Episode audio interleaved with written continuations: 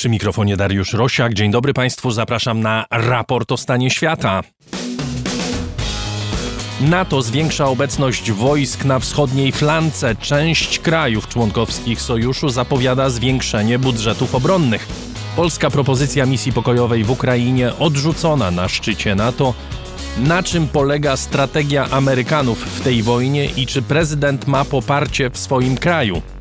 W Rosji nieliczne przypadki sprzeciwu wobec agresji na Ukrainę kończą się represjami wobec ich uczestników. Czy możliwe jest rozszerzenie ruchu sprzeciwu wobec Putina? Stany Zjednoczone uznają masakry Rohingów w Birmie w 2017 roku za ludobójstwo. Co to oznacza w praktyce dla sprawców tych morderstw i wypędzeń? Odwiedzimy ukraińskich muzyków, którzy uciekli do Polski i mieszkają dziś w Katowicach. A także spojrzymy na świat z boku, choć nieco inaczej niż zwykle. To wszystko w raporcie o stanie świata 25 marca 2022 roku. Raport o stanie świata to program finansowany przez słuchaczy, właśnie dzięki temu dostępny dla wszystkich chętnych za darmo. Dziękuję Państwu bardzo za wpłaty, dziękuję za słowa wsparcia, które zwłaszcza w tych dniach i tygodniach do nas obficie docierają. Jeśli ktoś z Państwa chciałby zostać patronem raportu, zapraszam na mój profil w serwisie patronite.pl. Za jego pośrednictwem najłatwiej wesprzeć raport. Pytają Państwo czasem o muzykę w naszych programach. W serwisie Spotify znajduje się playlista pod tytułem Raport Rosiaka i jego muzyka 2022. Zapraszam, tam można znaleźć wszystkie utwory, które gramy w audycjach. Podobnie jak wpiszą Państwo 2021 albo 2020, to znajdą Państwo utwory z tych lat. Adrian Bąk jest wydawcą, Chris Wawrzak realizatorem programu. Jesteśmy w studio Efektura w Warszawie.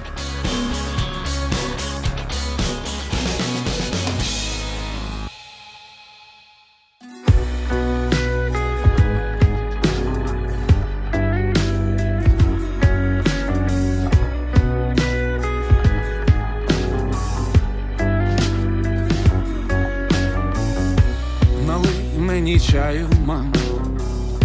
Так добре, що була ти вдома, а пам'ятаєш, як за цим столом мене сварив за теорему Піфагора, а я, як завжди, втикав, робив вигляд, ніби розумію, а сам думав тільки про дівчат. А сам думав, що все знаю, все вмію, тато на балконі теж бурчав, але ремонтував старенький наш маяк, магнітофон, а потім перший комп і точка ком. І школа пролетіла, мов фанера над Дніпром. Ти знаєш, мам, я вдячний вам. За те, що вірили у мене більше, ніж я сам. І сподіваюся, пишаєтесь ви мною, бо вас я буду завжди нести в серці із собою. Мамо,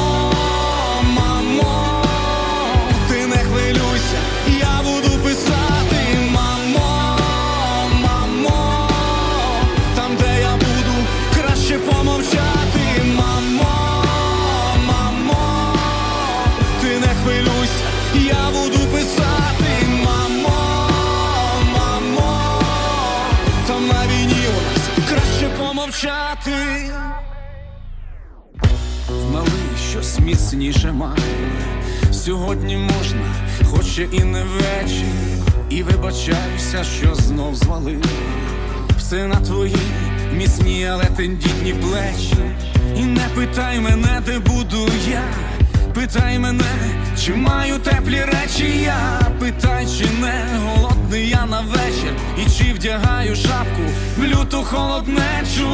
А татові ти передай, що його син пішов туди, де світло ділиться на чорне і на біле, де захищаєш, кого любиш від дебіла, де вся земля давно-давно почервоніла. Ну, ну не плач, все добре, я з тобою. Я повернуся переможцем після бою. І пам'ятай, що виростили ви героя. Любов найсильніша зброя. Мамо,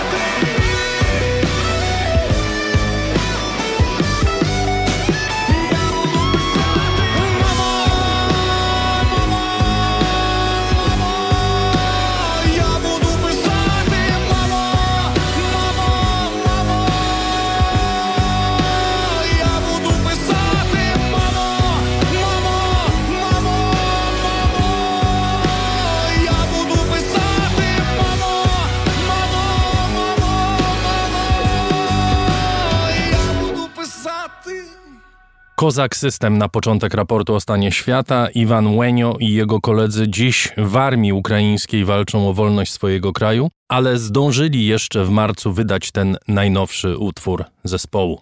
NATO zwiększy obecność wojskową na wschodniej flance. Cztery nowe grupy bojowe pojawią się w Rumunii, Bułgarii, Słowacji i na Węgrzech. Ogółem w tym rejonie stacjonować będzie około 40 tysięcy żołnierzy NATO. To jest efekt zmiany strategii NATO, w dużym stopniu realizowany przez Stany Zjednoczone. Jak powiedział sekretarz generalny Jens Stoltenberg, podczas szczytu sojuszu w Brukseli kilka państw zapowiedziało zwiększenie wydatków na obronność. Nie ma zgody NATO na misję pokojową. Propozycję w tej sprawie zgłaszała Polska. Jest z nami dr Marcin Fatalski, amerykanista z Uniwersytetu Jagiellońskiego. Witam pana. Dzień dobry. Zanim porozmawiamy o misji prezydenta Bidena w Europie, chciałbym zacząć od wspomnienia Madeleine Albright. Pierwsza kobieta, sekretarz stanu, odeszła w wieku 84 lat. Jaka jest jej spuścizna, zwłaszcza jeśli rozmawiamy w tej sytuacji, w której rozmawiamy w czasie wojny ukraińskiej? To jest y, polityk, która w zasadzie y, no, swoim życiem jest związana z Europą Wschodnią, ale też swoją polityką. Od bardzo dawna interesowała się tym regionem, prawda?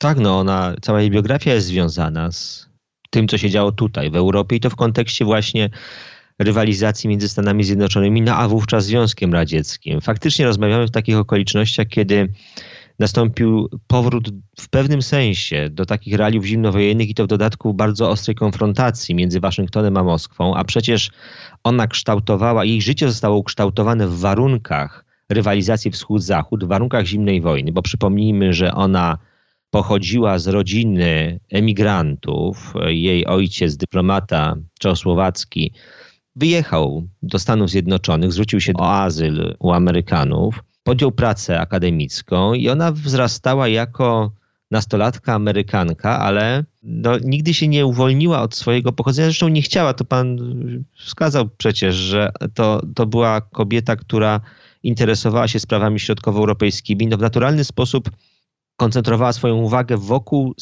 świata, z którego pochodziła. Ona wyjechała w wieku 11 lat.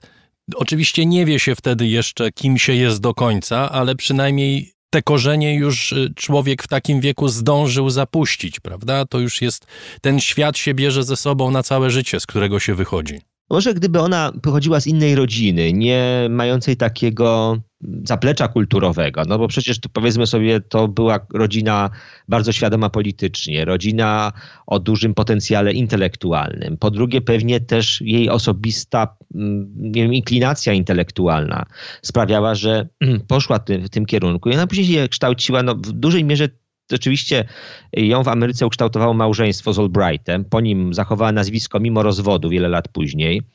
Natomiast dziennikarzem amerykańskim. Natomiast, natomiast y, ona sama w pewnym momencie życia zaczęła własną karierę. Jako 26-latka trafiła na seminarium Zbigniewa Brzezińskiego. Może to warto tutaj wspomnieć, prawda? Bo przecież splotły się losy dwóch osób o bardzo podobnej biografii. I on i ona byli dziećmi emigrantów, dyplomatów, którzy budowali w Ameryce swoją karierę, ale w, e, angażując się w sprawy środkowoeuropejskie. No i odnosząc się oczywiście do Rosji. Też warto o tym powiedzieć, że, że to jest coś, co po, z jednej strony dawało im dużą wiedzę o regionie. Często dla Amerykanów niedostępną, no bo jeżeli się stąd jest, to się lepiej rozumie te realia, może się nawet lepiej rozumie Rosję. No a druga sprawa to y, mogło na nich ciążyć coś, co y, to Amerykanie się często odnosili z podejrzliwością, nie tylko zresztą do Brzezińskiego czy do Albright, tak czasami do Kissingera też. Ktoś z Europy może w niewłaściwy sposób skierować naszą uwagę na sprawy europejskie, kierując się właśnie swoim pochodzeniem. No, Albright y, zrobiła tę karierę największą swoją, polityczną, w czasach Clintona przypomnijmy, zaangażowała się już wcześniej e, w sprawy polityczne, była działaczką Partii Demokratycznej, ale w sprawy administracji takiej polityki zagranicznej wciągnął ją właśnie dawny profesor, którego zabłysnęła e, znakomitą pracą e, seminaryjną, Zbigniew Brzeziński. No tylko, że pamiętajmy, później Carter odchodzi, Brzeziński odchodzi, Albright zostaje w Partii Demokratycznej, jest działaczką tej partii. W latach 80., e, pod koniec lat 80., wspiera Duka Kisa, który przegrał. Później Clintona, choć już nieformalnie, bo jest działaczką, wtedy była działaczką e, takiej organizacji w ramach NGOS-u, no ale wreszcie i tutaj trzeba by to też powiedzieć, bo myślę, że rzadko to wybrzmiewa, przy ogromnym wsparciu Hillary Clinton, która była pod jej wielkim wrażeniem, e, zdobyła stanowisko sekretarza stanu. Przecież o te urzędy toczy się ogromna walka w Waszyngtonie. I to jest tak, że zawsze prezydent ma duży wybór.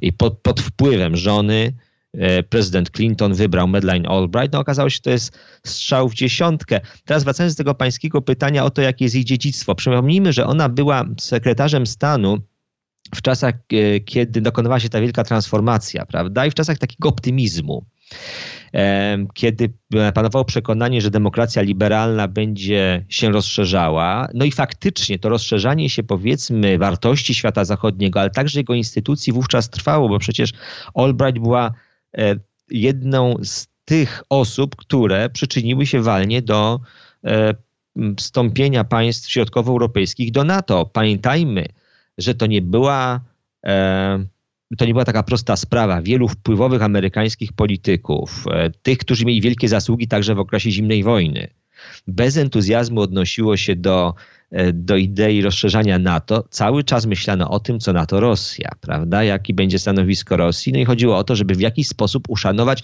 rosyjskie wyobrażenie o tym, jakie jest miejsce Europy Środkowo-Wschodniej, żeby tej, tej Rosji tak bardzo nie odpychać, nie zniechęcać, nie antagonizować wręcz.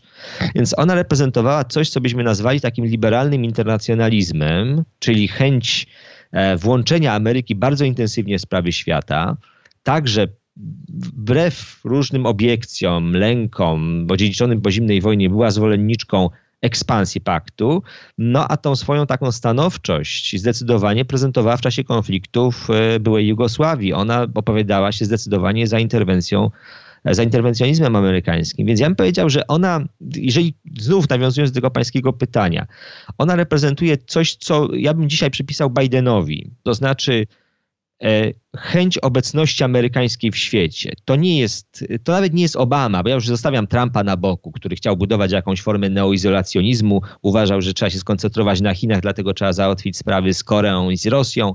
E, to jest typ takiej polityki znanej z czasów schyłku zimnej wojny, przełomu okresu zimnej wojny i postzimnowojennego. Stany Zjednoczone powinny być obecne w świecie, bo to jest dobre dla świata. Oczywiście można można tutaj podjąć długą dyskusję na temat tego, czy do każdego regionu w świecie te wartości amerykańskie pasują i czy wszędzie Amerykanie są w stanie te wartości sprzedać w odpowiedni sposób, ale definitywnie ona taki sposób myślenia o świecie i o roli Stanów Zjednoczonych reprezentowała. Jeszcze jedna może ważna rzecz, jeśli chodzi o jej styl. To jest ta stara szkoła dyplomacji i stara ha. szkoła polityki, prawda? To znaczy Więzy osobiste, owszem, liczą się, ale ona jeszcze była sprzed tego czasu, kiedy każdy polityk musiał być showmanem, prawda? W czasie Clintona to się zaczęło w latach 90., natomiast y, ona była politykiem, który y, realizował zadania przede wszystkim, a nie występował w telewizji. Zgadzam się, panie redaktorze. Rzecz inna, że ona sobie dobrze radziła. Mm, w przeciwieństwie na przykład do wspomnianego Brzezińskiego nie była kostyczna w kontaktach z e, dziennikarzami, więc, e, bo on był dość oficjalny, taki zasadniczy. Ona miała pewną łatwość, choć tak, ma pan rację oczywiście. To była inna epoka, no epoka, która wtedy w czasach Clintona, zaczynającego dzień od od badania sondaży opinii publicznej i przywiązując taką ogromną wagę do tego swojego wizerunku, to ona reprezentowała tę starą szkołę, szkołę rozwiązywania problemów, no i komunikowania się w sposób merytoryczny e, ze społeczeństwem. Dzisiaj byłoby jej chyba trudno, mimo wszystko, mimo, mimo tak jak powiadam, faktu, że ona relatywnie dobrze radziła sobie w kontaktach z dziennikarzami. Jaki jest e, cel wizyty Joe Bidena w Europie z punktu widzenia Ameryki? Utrwalenie konsolidacji paktu, która Bidenowi y, skutecznie się powiodła. Oczywiście to nie jest zasługa albo nie tylko zasługa jego osobistych umiejętności, ale sytuacji międzynarodowej. Prezydent przyjeżdża tutaj, żeby się bezpośrednio spotkać i w bezpośredniej rozmowie e, wyjaśniać pewne kwestie z przywódcami europejskimi, a poza tym chodzi o to, żeby pokazać konsekwencję amerykańską e, w stosunku do Rosji polityka składa się z tego, co jest jej treścią merytoryczną, czyli spotkań, umów, także tych, o których nie wiemy i prędko się możemy nie dowiedzieć, ale składa się też z symboli. To, że Biden pojawia się w Polsce, to jest symbol obecności amerykańskiej. Chodzi o demonstrowanie bez przerwy Putinowi, że Stany Zjednoczone wróciły że Stany Zjednoczone są obecne i Stany Zjednoczone są zwornikiem tego systemu bezpieczeństwa świata zachodniego i że Stany Zjednoczone w tej zmieniającej się rzeczywistości, czyli tej przebudowie jest takie modne słowo architektury bezpieczeństwa, jeśli można tak powiedzieć, że Stany Zjednoczone w tym będą uczestniczyły i będą odgrywały kluczową rolę. To jest e, jego rola. Tak jak powiedziałem, on jest politykiem jakby wyjętym z innej epoki i uważa, że te Stany Zjednoczone to jest rola po prostu Stanów Zjednoczonych, w ich własnym interesie zresztą. To nie jest yy, działalność na rzecz idei niesłużącej Stanom Zjednoczonym. To tak odczytuje to Biden tak to rozumie, tak to definiuje, jest w interesie Stanów Zjednoczonych. Czyli chodzi o bezpośrednie kontakty i o warstwę symboliczną. A jak ta polityka, zarówno w warstwie praktycznej, jak i symbolicznej, odbierana jest w kraju, odbierana jest w Stanach Zjednoczonych? My cały czas mówimy o tym, jak zmienia się nastawienie krajów europejskich, takich jak, nie wiem, Niemcy czy Włochy, y, do Rosji. No, pamiętamy, że Ameryka wychodzi z prezydentury y, Trumpa. Joe Biden minimalnie wygrał te wybory. Y, z prezydentury Trumpa, która była, jak pan wspomniał, protekcjonistyczna i nie bez powodu. Trump realizował interesy czy poglądy sporej części Amerykanów jak to nowe zaangażowanie Ameryki jest odbierane w tej chwili w kraju? Czy Amerykanie również zmieniają swoje podejście do roli y, Ameryki na świecie? To jest bardzo ważna kwestia, którą pan, panie redaktorze, poruszył, e, dlatego że jakkolwiek krytyczni moglibyśmy być w stosunku do stylu Trumpa, on prawidłowo odczytywał pewne tendencje występujące w społeczeństwie amerykańskim. E, I też definiował w, e, w taki sposób no, dość trafny niektóre wyzwania stojące przed Stanami Zjednoczonymi. Gdybyśmy rozmawiali z Amerykanami czas jakiś temu, to oni, ci, którzy oczywiście byli zainteresowani sprawami światowymi, zdecydowanie stawialiby na pierwszym miejscu wyzwanie chińskie. Nawet ci, którzy byli, e, powiedzmy, E, jakoś identyfikowaliby te swoje poglądy polityczne bliżej partii demokratycznej czy tego nurtu liberalnego. Teraz to następuje, y, następuje takie przesunięcie w Stanach Zjednoczonych, choć to, to jest zresztą ciekawe zjawisko, że jak się spojrzy nawet na wyborców partii republikańskiej, Właściwie powinienem to inaczej powiedzieć, bo przecież Partia Republikańska zawsze była mocno osadzona w sprawach międzynarodowych i ci wyborcy byli, byli zainteresowani, choć w czasach Trumpa oni stali się bardziej neoizolacjonistyczni i skłonni ku protekcjonizmowi, ale mimo wszystko oni krytycznie oceniają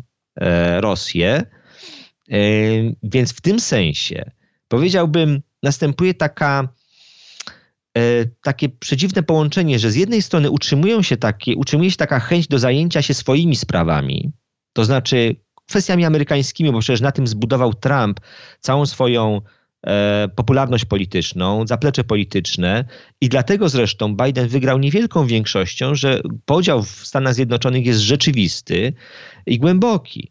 No ale z drugiej strony to, co się stało teraz, wojna ukraińska, wpływa na amerykańską opinię publiczną yy, i myślę, że w dłuższej perspektywie politycznie to może wzmocnić yy, samego Bidena.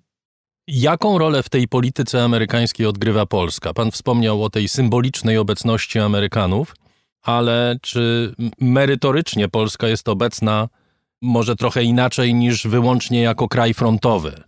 Czy jeśli patrzymy, nie wiem, na plan ministra Rała w sprawie rozwiązania konfliktu, doprowadzenia do końca wojny, plan, który zawiera takie rzeczy jak dostawy broni, zwiększenie wydatków na obronność członków NATO, zwiększenie obecności NATO na wschodniej flance, programie pomocy dla Ukrainy reparacji wojennych, które ma wypłacić Rosja i w dużej mierze Rosja ma być odpowiedzialna za odbudowę Ukrainy po wojnie, sankcje, które mają obowiązywać bardzo długo. Czy to też jest program amerykański?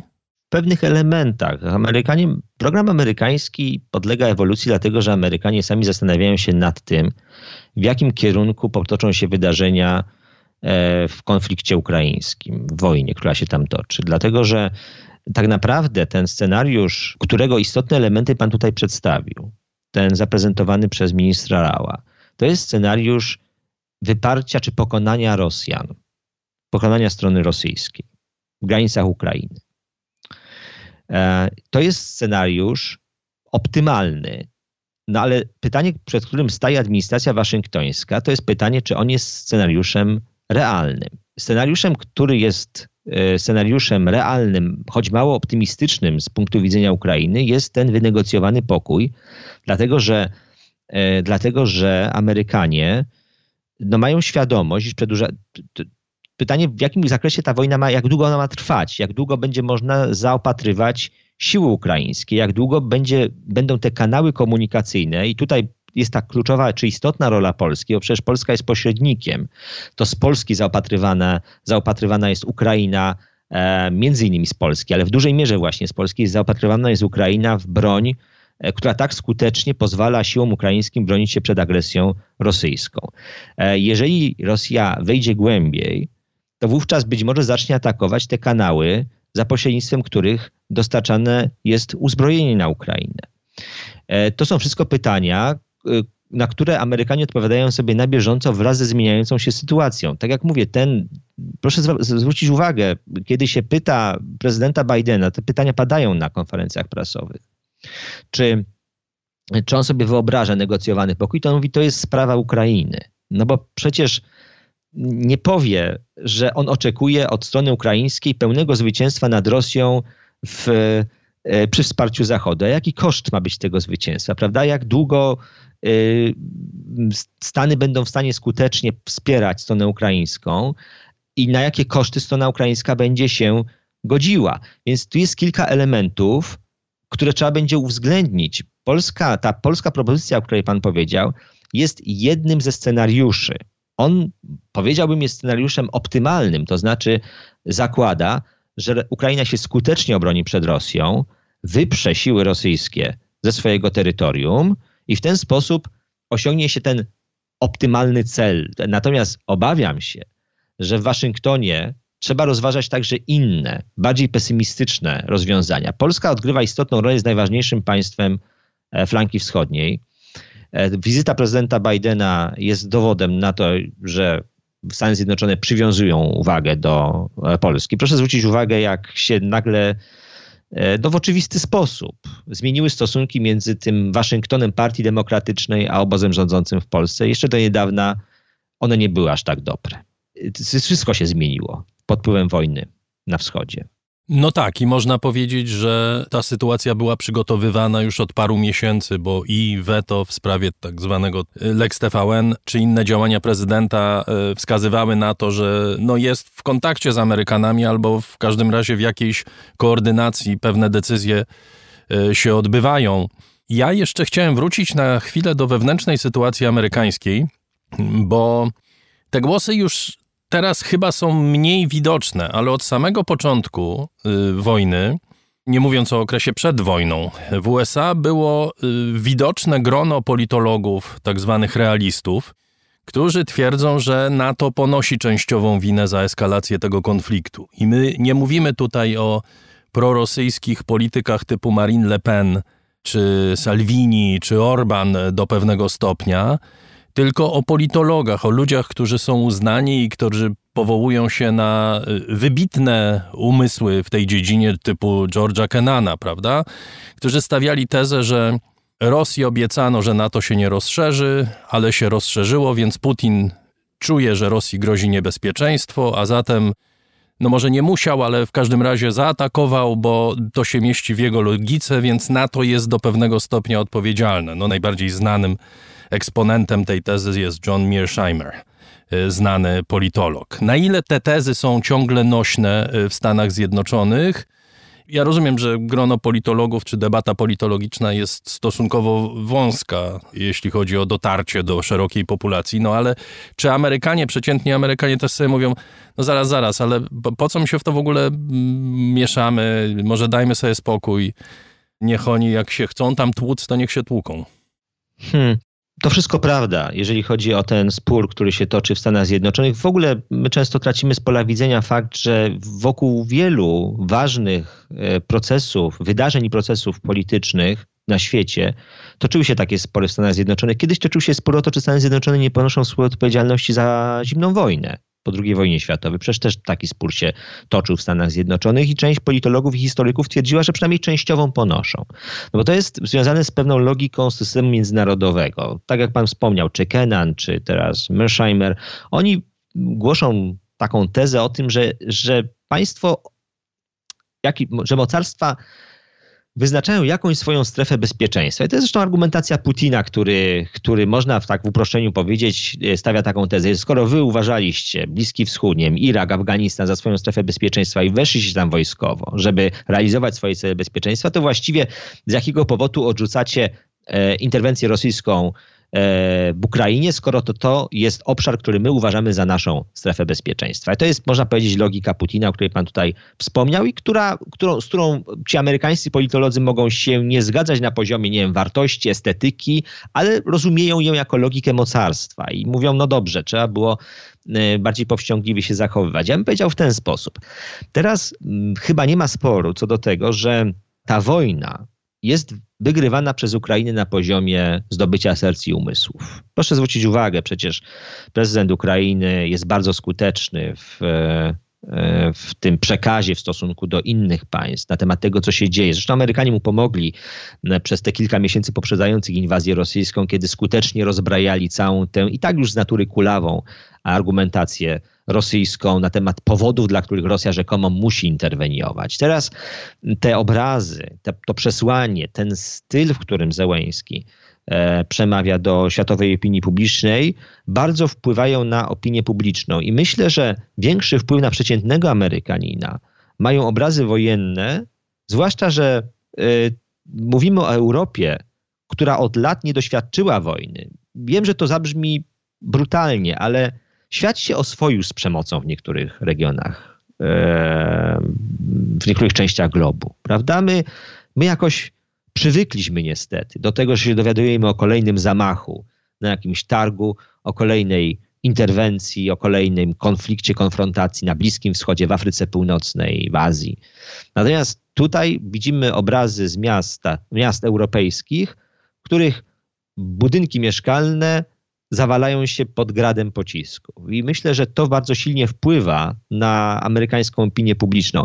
Ja oczywiście nie jestem w stanie przewidzieć, znaczy to, co Amerykanów e, w przeciwieństwie do Europejczyków e, może inaczej sytuować w stosunku do tej wojny, to jest fakt, że Ameryka nie odczuwa tak bardzo wyłączenia Rosji z systemu międzynarodowego. Pamiętajmy, że Ameryka nie jest zależna od dostaw rosyjskich paliw.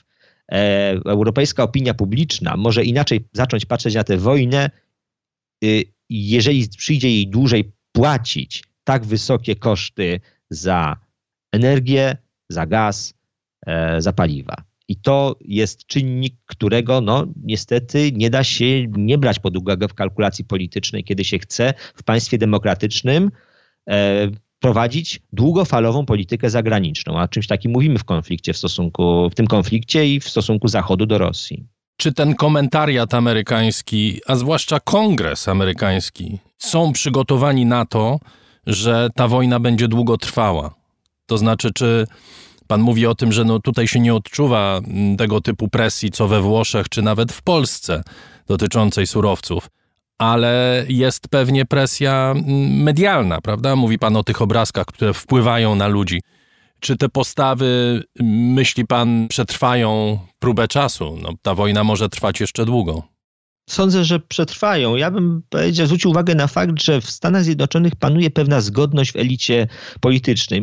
Tu, tu znów wypadałoby troszeczkę wejść w sytuację partii republikańskiej, bo demokraci są za prezydentem swoim. Jak tak patrzę na, na, na tę sytuację, to to mm, no jest pewna zgodność. Musimy odpowiedzieć na ten na to barbarzyństwo rosyjskie.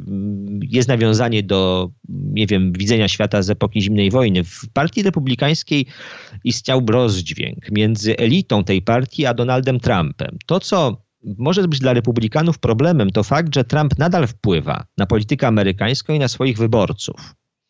I to jest coś, czym będzie się musiała w e, przyszłości zmienić partia, partia republikańska. Póki co powiedziałbym, jak pan pyta o te elity polityczne, nie o samego Trumpa i o trumpistów, ale o te powiedzmy stare elity partii, stare w cudzysłowie elity partii republikańskiej, reprezentowane chociażby przez byłego wiceprezydenta amerykańskiego, czy przez tych czołowych senatorów, no to one są y, konsekwentne. No, ich stosunek jest znany. Rzecz w tym, że na postawy wyborców republikańskich będzie wpływał Trump i tego głosu nie będzie można zlekceważyć. Jeżeli on będzie konsekwentny w tym swoim kwestionowaniu takiej polityki, będzie zwracał uwagę na to, że tak naprawdę zainteresowanie amerykańskie leży gdzie indziej, że y, ta kwestia wojny, którą Rosja toczy przeciwko Ukrainie, nie jest kwestią pierwszorzędną dla Stanów Zjednoczonych, to z czasem to myślę może jakoś rezonować w tym, e, w tym elektoracie Partii Republikańskiej. Tak bym to widział, że rzeczywiście może się pojawić tutaj problem dla samych republikanów. Dziękuję bardzo. Dr Marcin Fatalski, amerykanista z Uniwersytetu Jagiellońskiego, był gościem raportu o stanie świata. Bardzo dziękuję.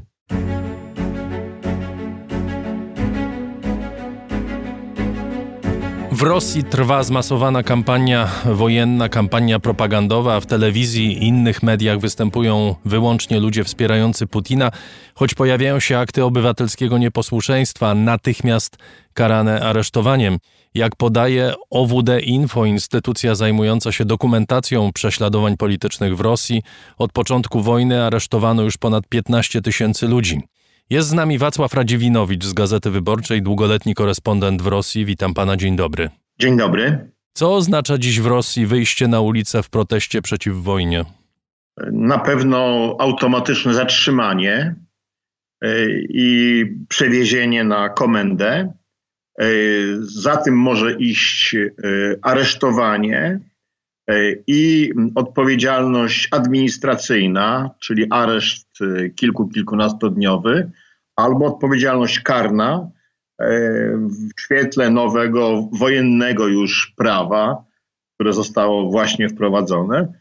Może się to skończyć 15 latami więzienia. Bardzo, bardzo ciężkie wyroki. Trzeba naprawdę mieć wielki hart ducha i ogromną odwagę, żeby wyjść i zaprotestować. My mamy indywidualne gesty, widzimy je na filmach, w mediach społecznościowych. Niedawna spektakularna akcja Mariny Owsiannikowej, która weszła z antywojennym transparentem w kadr w programie telewizji, w którym zresztą przez lata, no to trzeba przyznać, rozpowszechniała putinowską propagandę. Mamy wspaniałe postawy wielkich ludzi, takich jak Aleksandra Gurjanowa, prawda, ze Stowarzyszenia Memoriał. Czy te gesty, te postawy cokolwiek zmieniają w Rosji, pańskim zdaniem?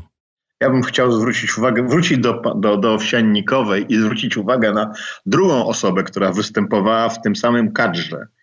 E, to jest e, Jekaterina Andrzejewa, od 27 lat niezmienna, zimna, spokojna prezenterka telewizji. Ja się przyglądałem jej, kiedy Owsiannikowa za nią stała z plakatem, krzyczała, a jej nawet mózgu nie drgnął. Ona jak automat czytała to, co jej y, wyświetlali na prompterze, jakby się w ogóle nic nie działo. To jest też dla mnie symbol tej drugiej strony, tego przygotowania ludzi, ludzi propagandy, żeby niczego nie widzieli, niczego nie zauważali, nawet w takiej sytuacji, kiedy są przecież ogromne emocje, przecież w studio coś takiego się dzieje. Także rzeczywiście to też jest ważne. No a teraz mm, jesteśmy. Y, raz że, raz, że trzeba to podziwiać, co się dzieje, co robią ci ludzie, ale z drugiej strony trzeba jednak y, ocenić i docenić y, inną, jeszcze jedną rzecz. No bo powiedzmy, że 15 tysięcy ludzi wyszło 15, na, na ulice miast Zwykle są to pojedyncze e, kiety, i, i, ale w sumie 15 tysięcy ludzi. To jest naprawdę bardzo, bardzo dużo. E, dlaczego nie ma, nie ma masowych, masowych protestów? To nie tylko, nie tylko przez to, że jest strach, jest terror, ale również przez to, że udało się, niestety udało się Putinowi wyczyścić pole polityczne. E, Nawalny siedzi, jego ludzie albo siedzą, albo się rozbiegli, albo się rozbiegli po świecie.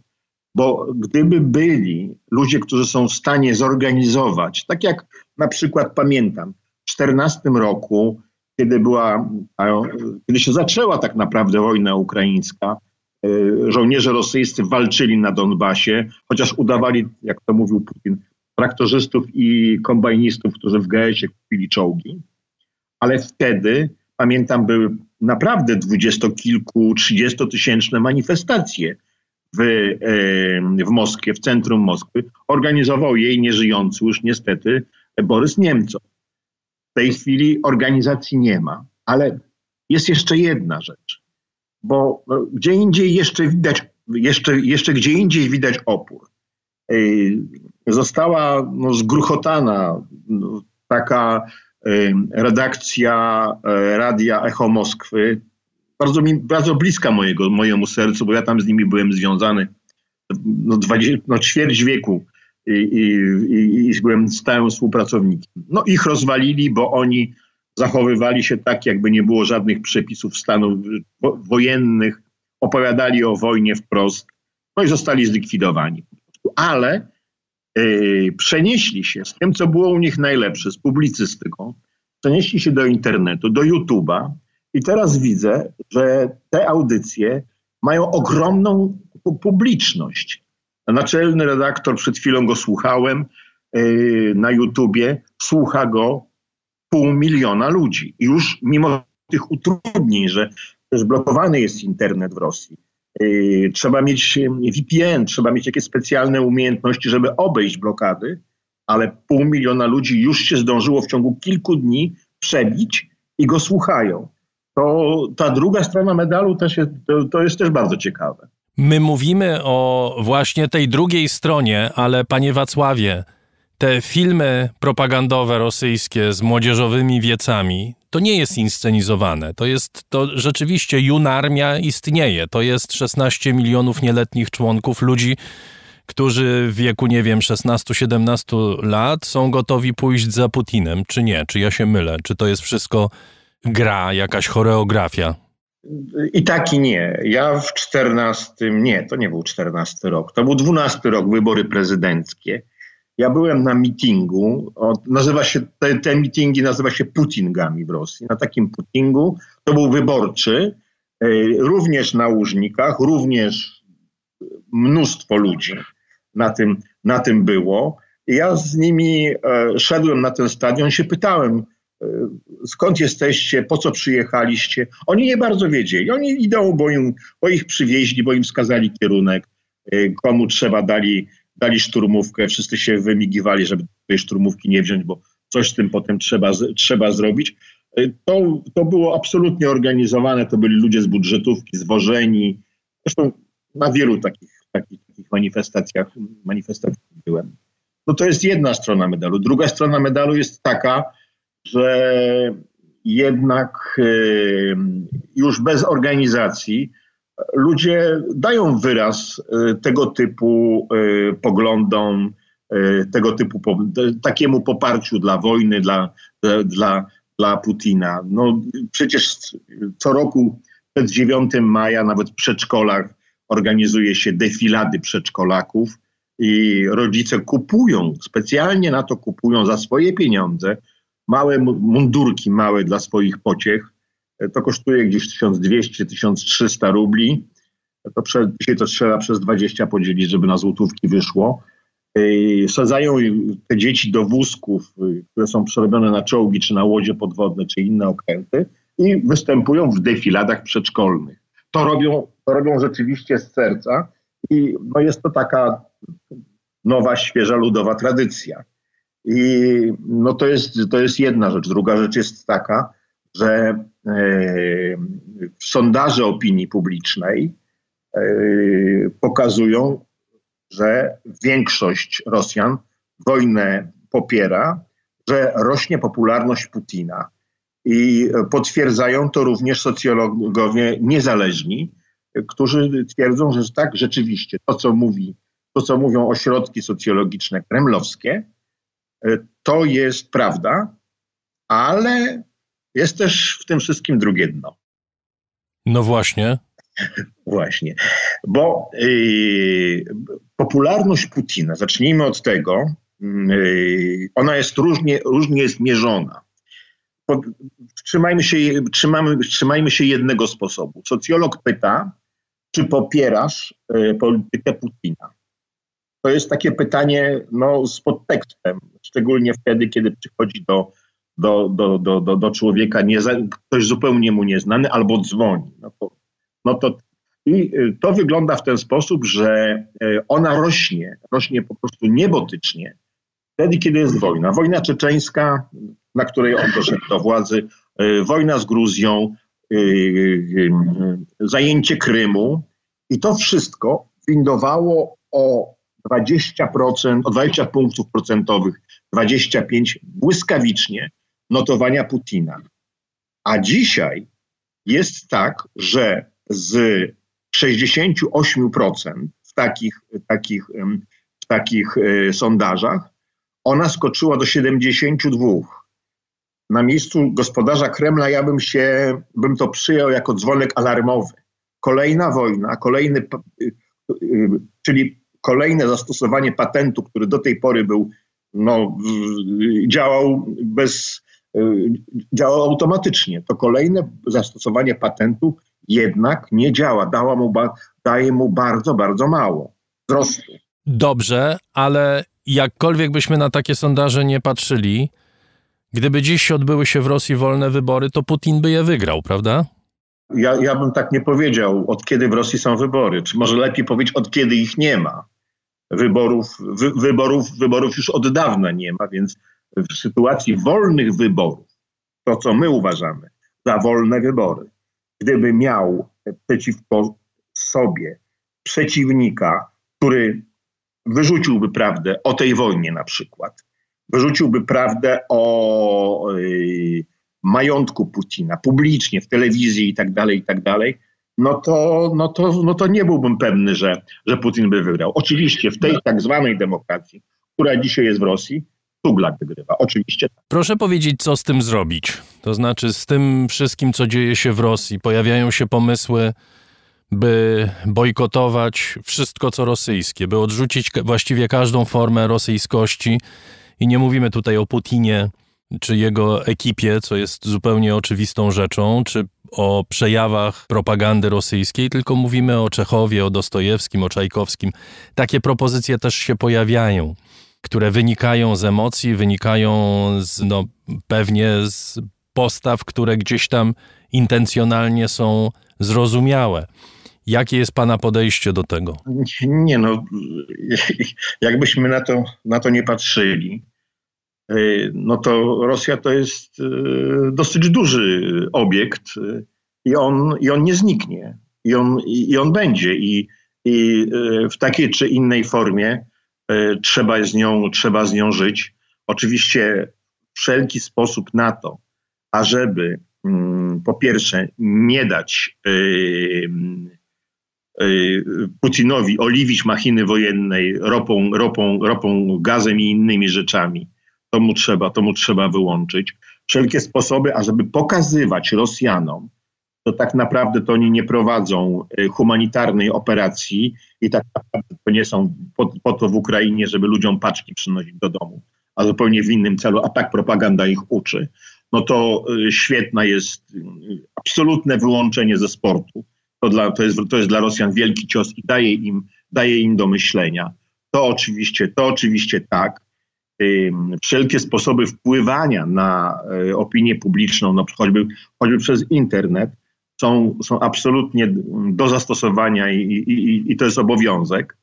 No ale, ale nie, no, no co, co ma z tym wspólnego Michał Buchakow, czy, czy, czy Lew, Lew Tolstoj, czy, czy, mm, czy Czajkowski. No po prostu, po prostu no to są, to są, to są zupełnie, zupełnie inne rzeczywistości.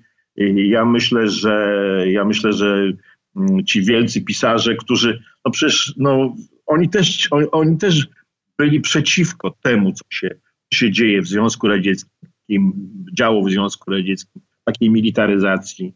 Ci, którzy są dzisiaj naprawdę znakomici twórcy, oni są też przeciwko. No, niektórzy z nich, niektórzy. Niektórzy, tak, to trzeba wspomnieć, prawda? Ale trzeba się temu przyglądać, kto jak się zachowuje. Ja bym na, na film Michałkowa już, już, już nie poszedł, bo jest to wstrętna postać, w ogóle niemoralny człowiek i wszystko, co złego można o człowieku powiedzieć, to on taki jest. I nie chciałbym, nie chciałbym oglądać. Ale filmy Sakurowa, który, który jest, z jednej strony jest mistrzem, a z drugiej strony absolutnie yy, antyputinowski. Także yy, troszeczkę, znaczy nie wolno przesadzać. Ja nie, nie, nie, uważam, że to, jest, że to jest złe. Porozmawiajmy o władzy. Pojawiają się różne teorie, które zwykle są projekcją naszych marzeń albo jakichś naszych obaw czy strachów, ale chciałbym pana spytać, na ile one są realne. Czy odnosząc się do tej głównej teorii y, i, i głównych naszych marzeń, czy możliwe jest odsunięcie Putina od władzy w tej chwili? To jest zawsze możliwe. To jest zawsze możliwe, ale y, rozważmy może warianty, dobrze? Ja, ja, nie mówię, ja nie mówię że, że, jest jakiś, że jest jakiś pewny scenariusz. Mówimy w tej chwili zupełnie teoretycznie. To, to, to, to, się tam w tym, to, to się tam w tym zamkniętym, jak oni mówią, czarnym, w czarnej skrzynce Kremla to się dzieje, no to jest, to jest niewiadomą dla, dla, dla ekspertów, dla bardzo wielu wysoko postawionych polityków rosyjskich również, bo nie są, nie, nie są dopuszczone. Ale powiedzmy, że warianty. Wariant y, taki, że Putin chociaż zmienił cały swój personel przed wojną. Tysiąc osób, które go obsługiwały, miał po temu powody, bo on ich traktują, traktował ich nieludzko. Oni ze względu na COVID byli jak gdyby w areszcie przez miesiące, bez kontaktu z rodziną, z, dziec, z dziećmi, z kimkolwiek, ze światem wewnętrznym, bo musieli być sterylni, żeby obsługiwać Putina i wcale bym się nie zdziwił, gdyby komuś do głowy przyszło, żeby go zastrzelić za to. Y, ale powiedzmy, że, now, że, w tej nowej obsłudze znajdzie się jakiś no, pojedynczy zamachowiec, który go zabije. I muszę powiedzieć, że to byłby straszny scenariusz. Rosji nie ma, e, Rosji nie ma mechanizmu przekazywania władzy. Gdyby raptem się okazało, że jest pustka, a nie jest to przygotowane, nie stoi za tym jakaś mocna grupa, no to mielibyśmy implozję tego kraju, w którym jest, są, jest dosyć dużo ładunków jądrowych i innych broni, jakby jeżeli się tym, bo biliby się, biliby się między sobą o, o władzę i to by się rozpełzło również na, mogło się, by się rozpełznąć również na sąsiadów, a więc tego lepiej sobie, lepiej sobie tego nie żyć. Jest wariant, o którym, się, o którym wszyscy marzą i, i mówią, że oligarchowie zmówiliby się i by go sprzątnęli. Tak jak kiedyś było przy Jelcynie Siemi Bankiwszczyna, czyli siedmiu największych ban, bankierów się zrzuca i albo popiera, jak było w przypadku Jelcyna, albo go zwala. Y, ci ludzie są odsunięci od ucha i ciała, y, od, y, od, od dostępu, są wystraszeni, oni ze sobą konkurują, a nie współpracują i są, są pod takim kloszem, pod taką lupą, że tutaj bym nie liczył. Jest inny wariant. Mówi się, że któryś z szefów resortów siłowych rosyjskich, nie wiem, FSB na przykład, Komitetu Śledczego, no tacy ludzie, że, że któryś z nich zrzuciłby, zrzuciłby Putina i stanąłby na czele, korzystając ze swojego aparatu, który ma pod sobą i stanąłby na czele państwa. Oni są, to są już ludzie starzy, to są 70-latkowie. E, to już nie jest ten, ten zapał, te emocje, ta energia. Poza tym oni są przywiązani, przyklejeni do Putina, a również aparat każdego z nich jest infiltrowany przez, e, przez e, konkurencyjne służby. E, Komitet Śledczy infiltruje i, i, i, i trzyma w ryzach FSB, a FSB odwrotnie robi. kto kogo i cały czas tam są jakieś takie, kto jest ważniejszy, kto kogo, kto kogo potrafi wykiwać. Więc tutaj, tutaj bym też nie liczył. Jeszcze tylko spytam pana o, o, ministra Szojgu, no bo on się nie pojawiał przez bardzo długi czas, znaczy przez kilkanaście dni, nagle się pojawił w takich trochę tajemniczych okolicznościach. Czy to jest odzwierciedleniem jego słabnącej pozycji, pańskim zdaniem, czy wręcz przeciwnie, nie ma to żadnego związku z niczym? Czy on się pojawił, czy nie pojawił, to jest wielka zagadka. No tak, widzieliśmy zdjęcia przynajmniej. Tak, ja właśnie pisałem o, o, o tym, jak Ławrow woził się na jachcie ze swoją partnerką i jej dzieckiem e, przez chyba 10 dni, ale codziennie w telewizji widzieliśmy, jak Ławrow przyjmuje jakichś gości, e, z kimś tam się konsultuje. No codziennie był w telewizji w każdym razie, chociaż go absolutnie nie było. Także y, te sztuczki to telewizja rosyjska opanowała do y, Natomiast tak, sam Szojgu, sam Szojgu, ja myślę, że on jest, on jest rzeczywiście w bardzo złej mm, sytuacji, ponieważ to on obiecywał Putinowi, że mamy taką armię, że o, o i możemy ich czapkami nakryjemy, nie tylko Ukraińców, ale całą Europę. Dojdziemy do La Manche, jak zawsze marzyli generałowie radzieccy że to się wszystko zdarzy i raptem się okazuje, że figa, że e, no jest jak jest, no co będziemy sobie tutaj opowiadać. A, a, to, a to Szojgu jest odpowiedzialny za to, że utrącił i przyszedł na miejsce poprzedniego ministra obrony Sierdziukowa, który dostał polecenie od Putina, ażeby zreformował armię rosyjską, a jako, że był cywilem, nienawidził starych generałów, nazywał go ich śmiesznymi, zielonymi ludzikami i usuwał ich po prostu jak tylko komu to pod rękę poszedł, ale rzeczywiście zaczął reformować armię tak, że y, przy tej strukturze, strukturze, którą on tworzył, strukturze samodzielnych brygad, które wszystko ze sobą mają, są zaopatrzone i y, mają orientację na polu bitwy, nie byłoby czegoś takiego, że gdzieś tam 60 kilometrów długi stoi konwój i go rozstrzeliwują Ukraińcy jak jak mogą, ale to, ale tę strukturę zlikwidował Szojku, tę strukturę samodzielnych brygad i na to miejsce y, zrobił armię taką, jak, się, jak, jak generałowie mówią, jak u babuszki, czyli taką jak w Związku Radzieckim. Dywizje, y, fronty, armię i tak dalej, i tak dalej. To, no, to jest jego wina po prostu. I on, chociaż jest bliskim kumplem Putina, no twarzy to już specjalnie nie ma ale już na pewno takiego boga wojny, na jakiego się kreował. To pewnie może dlatego go nie widać. Tak. A ja... proszę powiedzieć, jaki jest ten scenariusz? A poza tym, a poza tym jest jeszcze jedna rzecz. Tak? Szojgu jest mistrzem samopiaru. On lubi komentować, lubi się wypowiadać i bardzo często, bardzo często gada straszne głupoty. Jak, jak wybuchła wojna i, i gdzie on się pojawił? On się pojawił występując do ministra kultury, ażeby ten usunął Zełenskiego jako artystę z przestrzeni kulturalnej Rosji. Gdzie minister wojenny, który prowadzi wojnę, yy, gdzie mu do takich rzeczy? No, bo, I to jest taki właśnie przykład, jak on ma niewyparzony język i jak potrafi się zachować zupełnie nieodpowiednio. A jeśli chodzi o ten scenariusz, który byłby najbardziej, nie wiem, realny, czy może pożądany?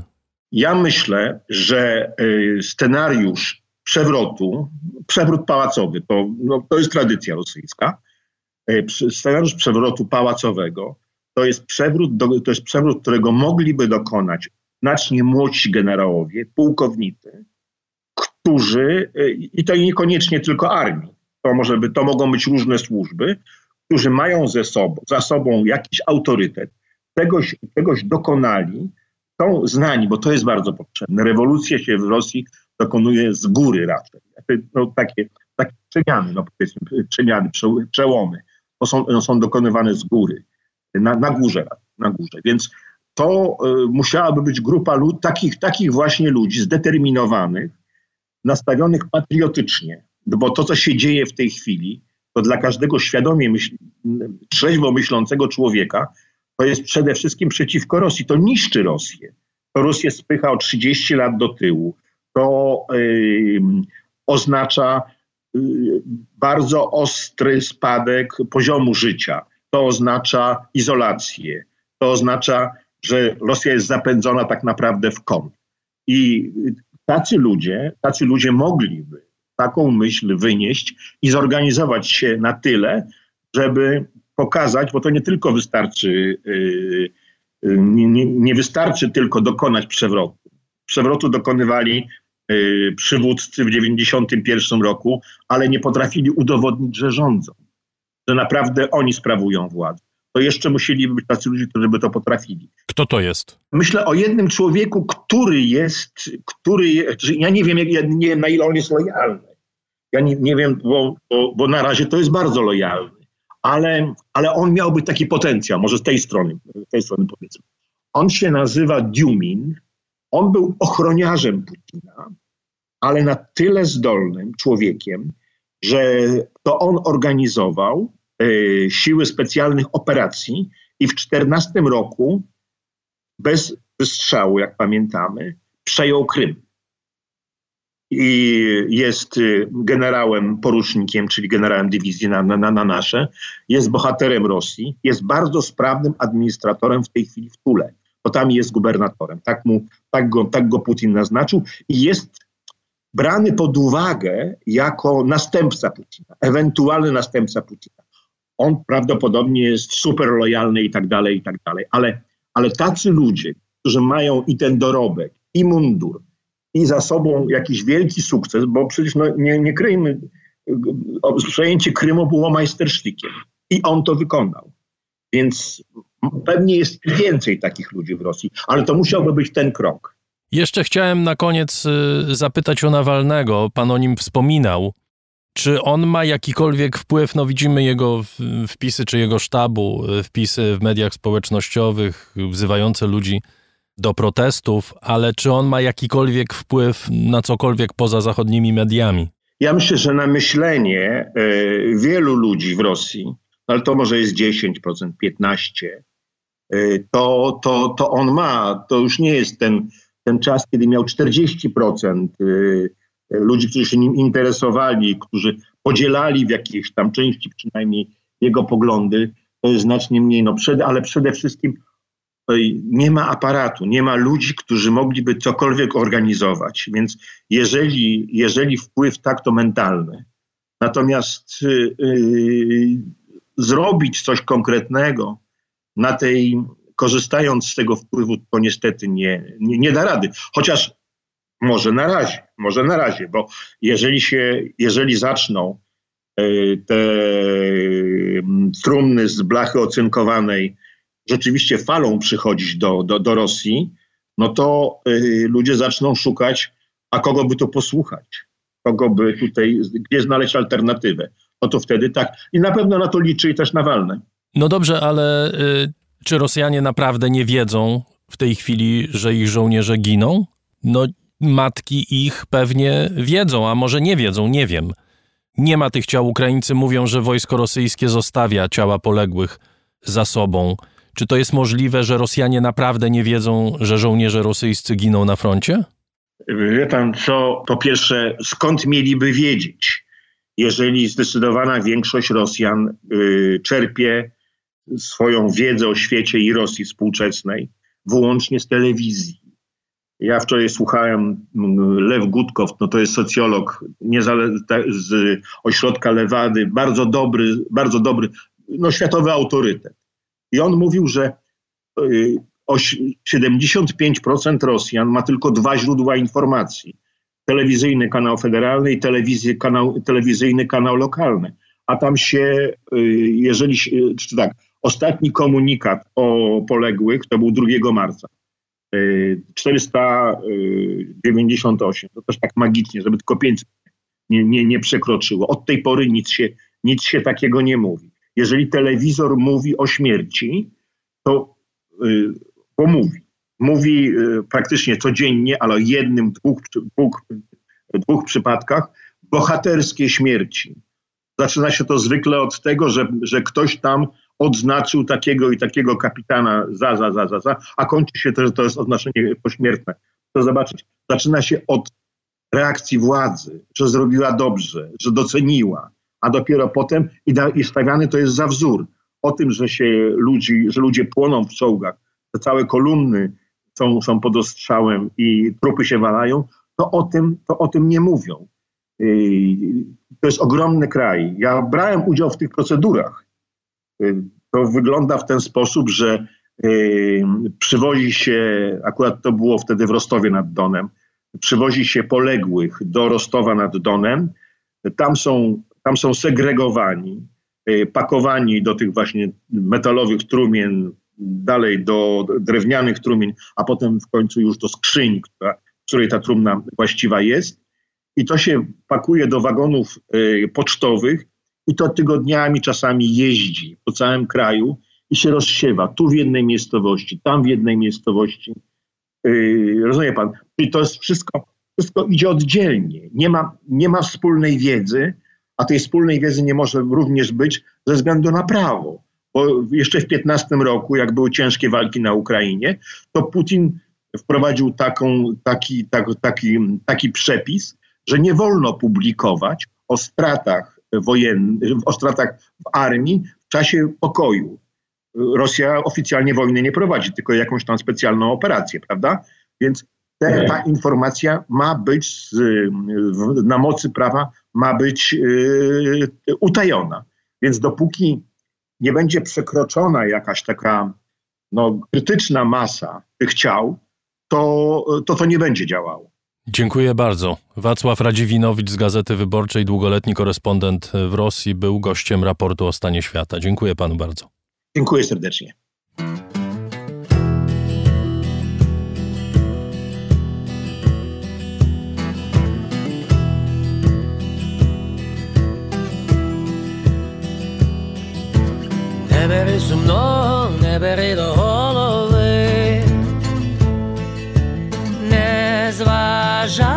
Все переживи, не кажи нікому, як воно тебе пече, журба на море потече, і нехай десь там буде дощ. І нехай десь там паде сніг, але твоя сила жива, бо давно в тебе є, бо давно в тебе є оберіг.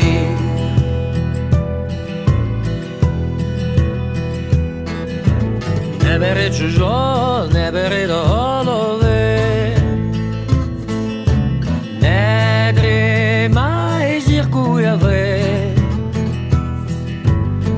не кажи нікому, як вона тобі горить. Мрія на небо полетить, і нехай десь там буде дощ. І нехай десь там буде сніг,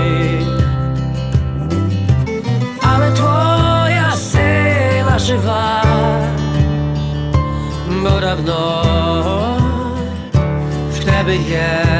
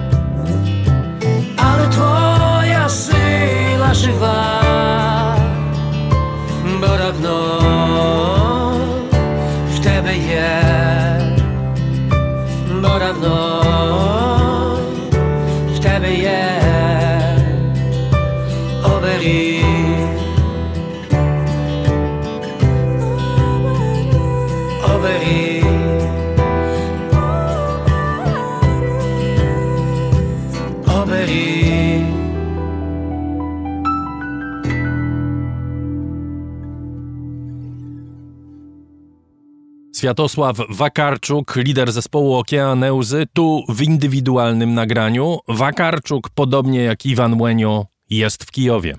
Od rozpoczęcia wojny w Ukrainie do Polski wjechało ponad 2 miliony uchodźców wojennych. Część z nich kontynuuje swą podróż do innych krajów Europy, ale ogromna większość pozostaje w naszym kraju. Anna Dudzińska spotkała się z ukraińskimi muzykami, którzy uciekają przed wojną.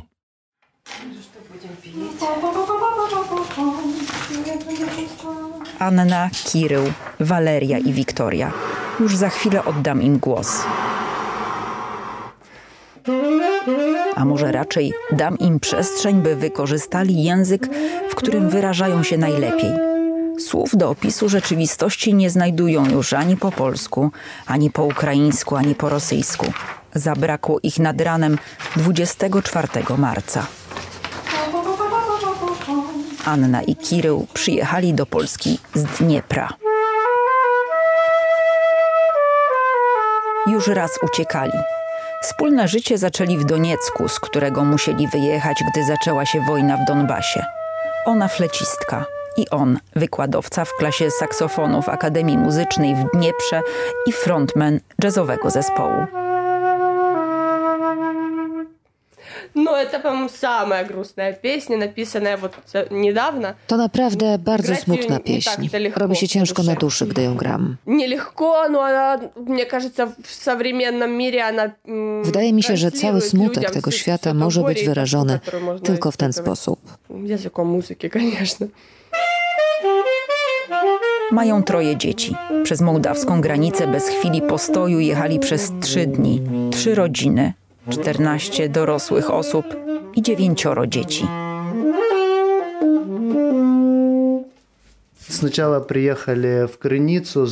Na początku przyjechaliśmy do znajomych w Krynicy Zdroju.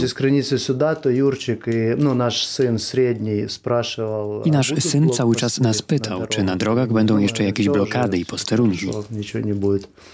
Так что так.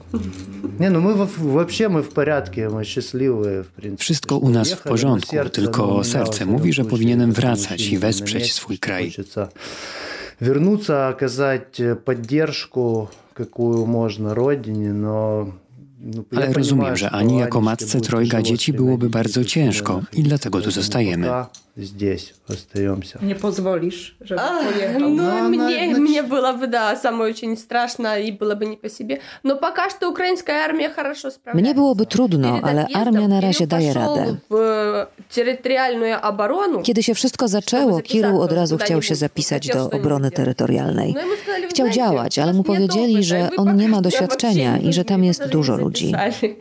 Но это были первые дни. Вообще в нашем городе вступило в тероборону 35 W naszym mieście тысяч od razu человек. zapisało się tam 35 tysięcy ludzi. No, Od chwataje razu. пока что. Teraz wystarczy, Sił ale jeśli będzie za mało, to sправляются. wrócę. Ну, если не будет хватать, вернусь. Kirył i Anna mają trochę szczęścia. Są rodzicami trójki dzieci i całą rodziną mogli wyjechać z kraju. Мы взяли инструменты, и каждый взял с собой по рюкзачку самых необходимых вещей. Wzięliśmy instrumenty i kilka potrzebnych rzeczy. Niewiele. Ну, Мы со- совсем чуть-чуть взяли. Tak, żeby niczego nie mieć w Одни rękach. штаны, Wszystko w po dwie plecach. kofty, Jedne spodnie, одна пара dwie обуви bluzy, i jedną всё. parę butów. Но есть у нас друг из Харькова, ему пришлось оттуда Nasz jeden очень znajomy быстро z Charkowa бежать, и он не uciekał взял w с tym, собой w co ни był одного ubrany. инструмента. Вот Zostawił в чем wszystkie был instrumenty. одет, всё в том- Drogie в том saksofony. убрал, и всё. То есть вся его жизнь Całe jego осталась там, в życie разбитом zostało w городе. mieście, którego już nie ma. На саксофоне он не Nie будет pójdzie пугать przecież z врагов, saksofonem na играя. wrogów. То есть On może нужно, tylko да, na nim остается grać. только сражаться. Pokażecie, jak tu się urządziliście? Pokoik to jest Нас прекрасно поселили. Видите, у нас две комнатки. bardzo wygodnie. Bardzo Дуже bardzo, да. Swoje polskie schronienie znaleźli w Katowickim Centrum Kultury, w pokojach, które wcale nie tak dawno należały do Narodowej Orkiestry Symfonicznej Polskiego Radia. Symboliczne. Po kilku dniach całe centrum stało się schronieniem również dla innych Ukraińców. Dobrze, to położymy ich na tej sali cztery, tak? No. no to mamy cztery i sala C jest pełna. Dzisiaj to wojewódzki punkt recepcyjny, którego rytm wyznaczają dźwięki kroków, tych, którzy uciekają przed wojną. Każdego dnia 250 albo 300 osób spędza tu swoją pierwszą spokojną noc w Polsce. Znacznie ciszej jest tam, gdzie śpi Wiktoria Bojchenko. Dobry. Ja do pani Walerii Bochinkowej. Nie wiem, gdzie ona jest, bo w tej chwili się schowam. Kolejny tymczasowy dom mieści się w Akademiku Katowickiej Akademii Muzycznej. W niewielkim pokoju nie słychać ani samolotów, ani bomb. Wiktoria przyjechała tu do swojej córki. Do mamy idziemy, tak. Tak, tak. Называм się Виктория Бойченко. Я есть ну, учительница, мамна учителька. Nie, jestem nauczycielką. Э, на- Jestem nauczycielka, э, mieszkają w Żytomierzu. Mam córkę, Tak. studiuję w Katowice, Muzyczna Akademia Karola Szymanowskiego, wokalna-aktorska. Widział, widział. Видео. Все. Так, что еще? Całkiem dobrze poszło jak na jedną lekcję języka polskiego. Waleria studiuje w Polsce od 6 lat. Mama, która pracowała w szkole muzycznej w Żytomierzu, przyjechała tu kilka dni temu. I nawet mamy mama. Moja babcia też była kiedyś dyrygentką, uczyła teorii muzyki, tak. Dlatego Skończyła Żytomierska też w Żytomierzu kończyła. Po kolejnych kilku dniach pierwszy raz usiadła przy fortepianie i zaczęła akompaniować córce.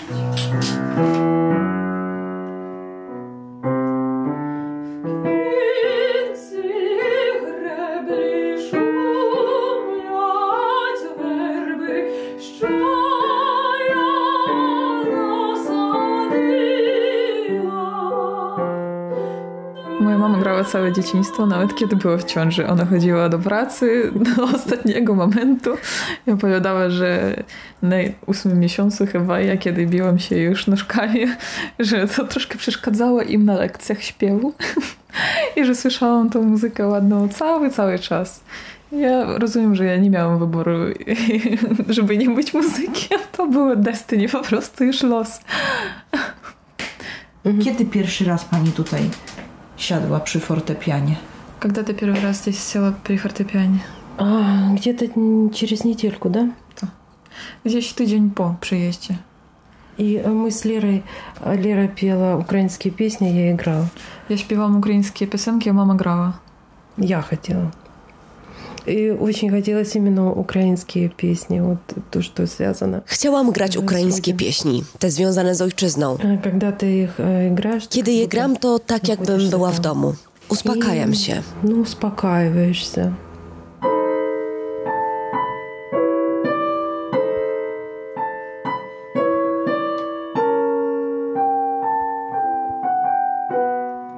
Было все spokojnie w среду. W środę było jeszcze spokojnie. Мы, как обычно, пошли на работу, пришли с работы. Planowaliśmy życie, Даже jak никто не zawsze. думал, Byliśmy w pracy, ktoś планировали poszedł себе, do что kina, делать ktoś на na четверг, zakupy. на пятницу, на Myśleliśmy, co robić w выходные. weekend, ale rano o- usłyszeliśmy eksplozję. Рано утром был сильнейший взрыв.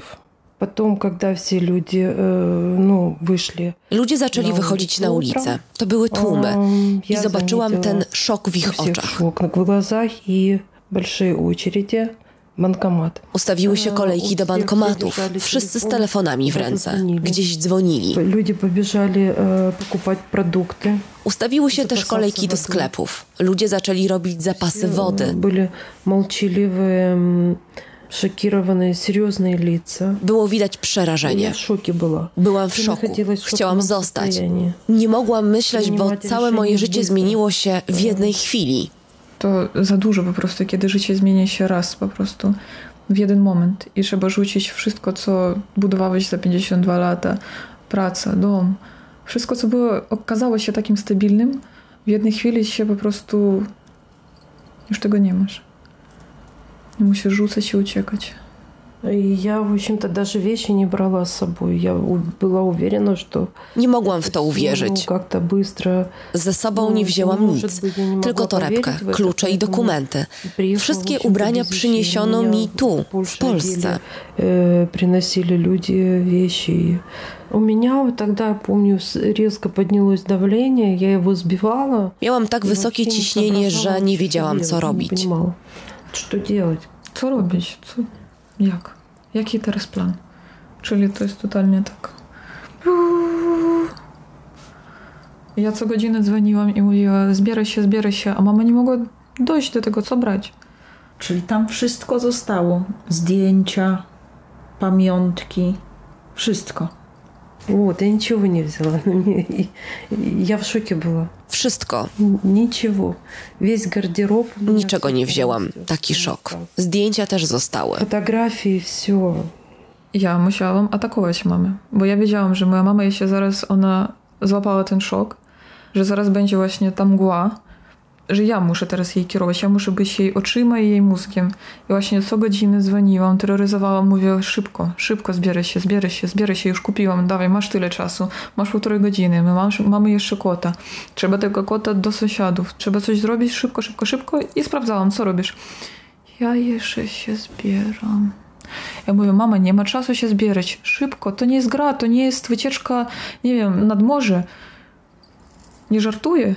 Musiałam cały czas po prostu presować, presować, ale tylko po to, żeby ono po prostu wyszło z tego domu chociażby.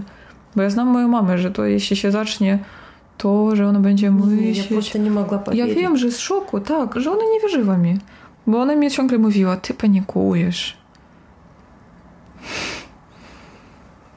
Ale musiałam cisnąć po prostu. Cisnąć, żeby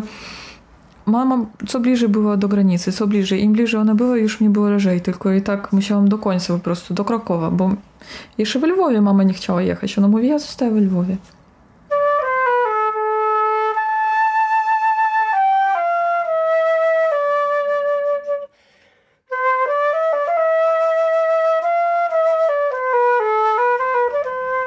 Еще я общаюсь с моими коллегами по телефону, которые остались, которые в Житомирской области. Pisała koleżanka, która została w Żytomierzu. Самолета, который летит низко с бомбами. Это очень страшно. Że samolot z bombami leciał nad jej domem. 20 metrów. Tak nisko. Организм ее стало трясти. Opowiadała, że ciało zaczyna się trząść i tego nie da się opanować. Taki strach. И очень долго ехали, потому что дорога, ну много машин. A potem bardzo długo jechaliśmy. Ludzie szli po 20-30 kilometrów do granicy z małymi dziećmi, z wózeczkami. To było przerażające. Ogromne masy ludzi. Wszyscy pieszo. Masy ludzi, które jechali na granicę Szyginie. Ogólnie droga z Lwowa do tej granicy jest trwa godziny, jeśli normalnie, ale tym razem to trwało 10 godzin. Перешли мы границы. И приятно было на польской границе. A potem przeszliśmy granicę. Встречали уже с пончиками. Чай, кофе, хербата. i przywitali nas herbatą i pączkami. To był kolejny szok. To ciepłe przyjęcie. Tylko sztempel postawili. Lekkie było przechodzenie granicy. Nie sprawdzali nic, tylko dawali pieczątkę w paszporcie. Tylko paszport, Uciekliśmy od koszmaru i dostaliśmy miłość. Polska jest jakby naszą siostrą, która wyciągnęła ręce do pomocy. I wyciągnęła nas no, z tego koszmaru. Pojechałam do Krakowa i odebrałam mamę. Oczywiście, a później już dojechaliśmy do Katowic. Ale i tak powiem, że z mojej strony, że ona dopiero po tygodniu powoli zaczęła wracać do siebie, bo to jeszcze nie była moja mama pierwszy tydzień. To był ktoś zupełnie inny. Skąd ona przyjechała, co ona wiedziała? To, no mówię, że to nie było ona, po prostu ja wiedziałam, że ja muszę dać czas na regenerację umysłu, psychiki, zwłaszcza psychiki, żeby ona po prostu trochę się uspokoiła. Nie gadaliśmy o tym, po prostu tak jakieś parki, jedzenie, tak powoli, na spokojnie. Pośpiewaliśmy, pograliśmy, tak no powoli, powoli, żeby wracać się do, do normalnego toku życia, powiedzmy, jeśli można tak w ogóle powiedzieć. Ну, конечно, то, что дочь самый близкий человек для Córka для jest мамы, dla это mnie дети, kimś вот, najbliższym. Когда ты вот, ну, такое... Ja tobie как dałam сказала, życie, Ты мое спасение. Я тебе dała życie, a ty, a ty mnie mi życie uratowałaś. Członki rodziny dla mamy. I że ona mi powiedziała, że ty jesteś mój zbawiciel, że ja ci dałam życie, a ty mnie uratowałaś od tych czasów, od tej wojny.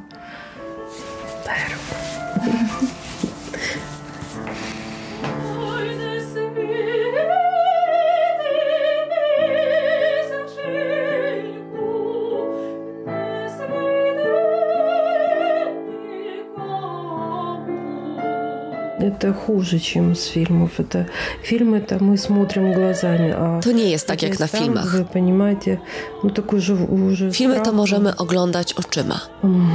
В любой момент м- может запросто прилететь ракета, бомба. Gdy wszystko dzieje się naprawdę, to nie wiesz, kiedy nadleci bomba, w co ona trafi. Tu decyduje los. Jest strach. U nas strzelają do ludzi. Nie ma szkół i szpitali, w których rodzą się dzieci. Nie wiesz, w co trafi kolejna bomba.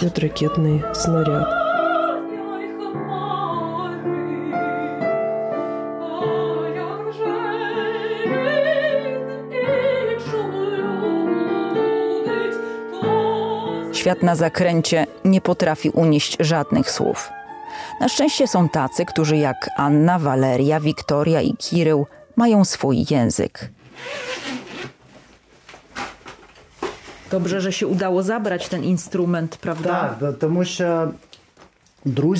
Mój kolega niestety musiał zostawić wszystkie instrumenty. A żona już mówiła. Duże drogie instrumenty, no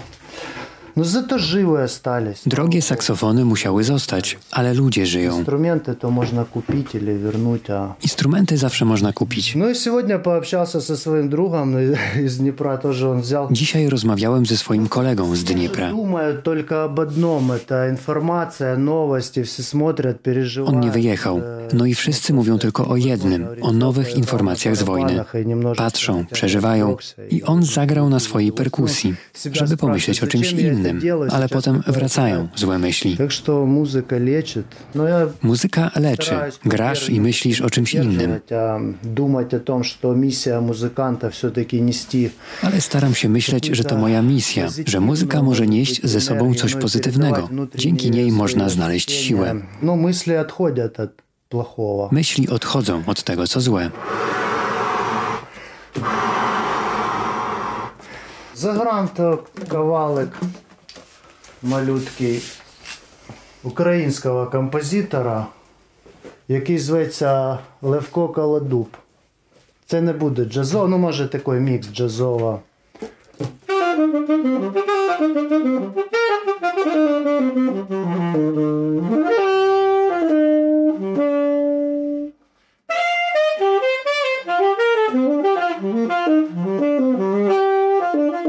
Dla raportu o stanie świata Anna Dudzińska.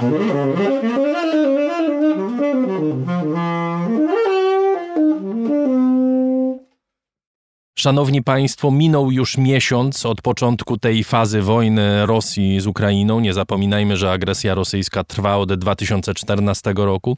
Staramy się zwłaszcza w tych dniach rzetelnie relacjonować to, co się dzieje w Ukrainie i nie tylko, bo to jeden z kluczowych momentów współczesnej historii. A naszym obowiązkiem jako dziennikarzy jest zapisywanie właśnie tej pierwszej wersji historii. Możliwe jest to dzięki Państwa wsparciu. Serdecznie dziękuję, że jesteście z nami.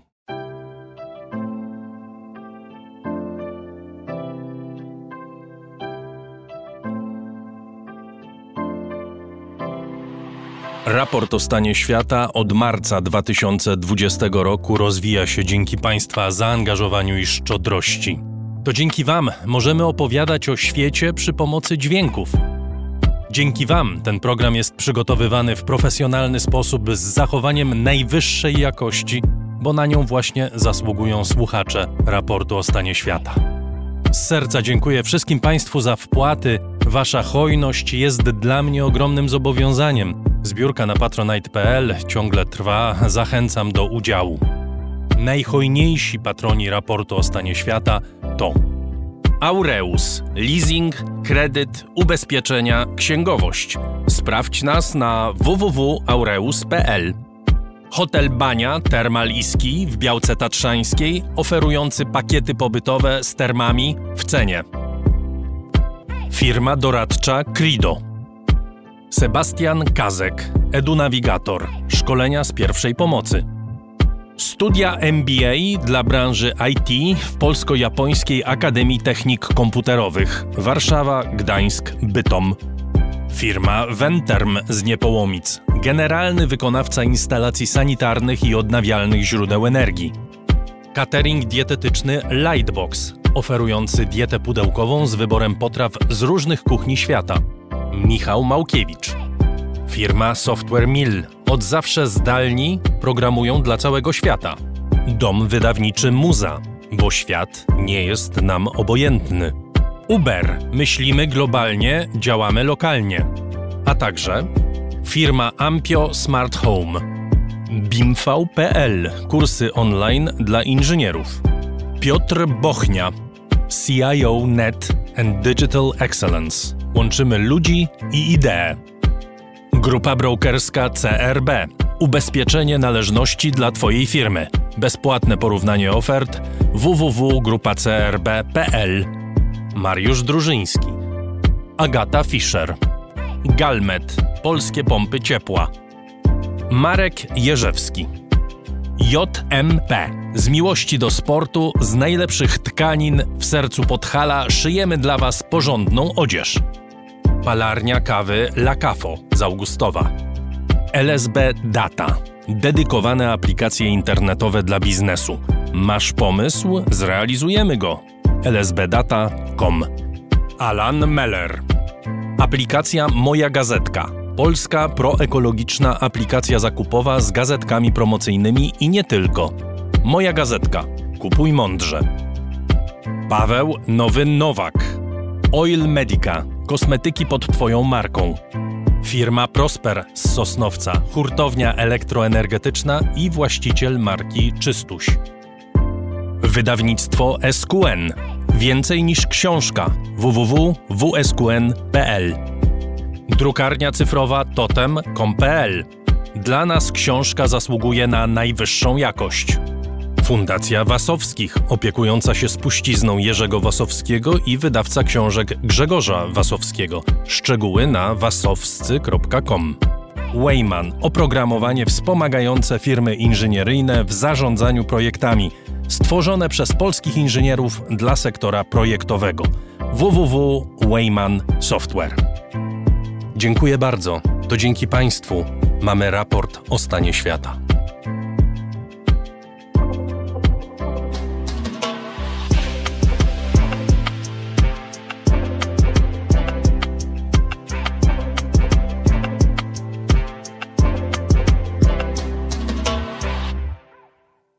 Stany Zjednoczone uznały, że masowe mordy i wypędzenia Rohingów przez władze i wojsko Birmy, zwanej również Mianmą, dokonane w 2017 roku stanowią ludobójstwo. Oświadczenie tej treści złożył sekretarz stanu Anthony Blinken w Muzeum Holokaustu w Waszyngtonie.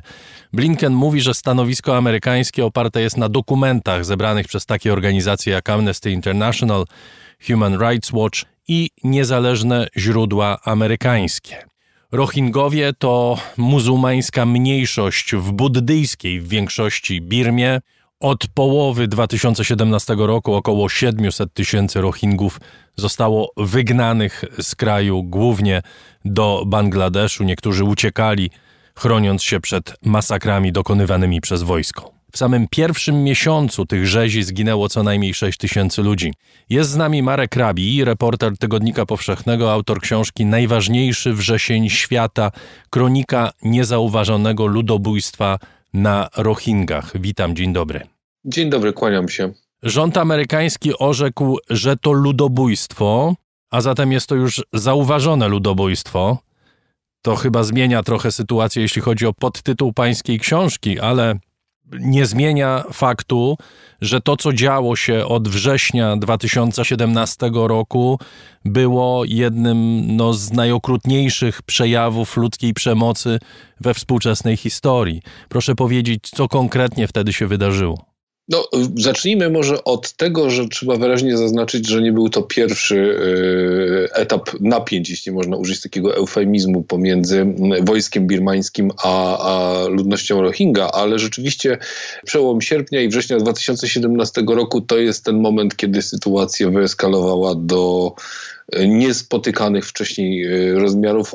Zaczęło się dokładnie 24 sierpnia 2017 e, roku i zaczęło się od e, domniemanego ataku rohińskiej partyzantki, tak zwanej Armii Wyzwolenia Arakanu na posterunki policyjne w, właśnie w północnym Marakanie, czyli w tej części Birmy, którą zamieszkiwali głównie Rohingowie, no bo oni tam stanowili blisko 90% e, populacji.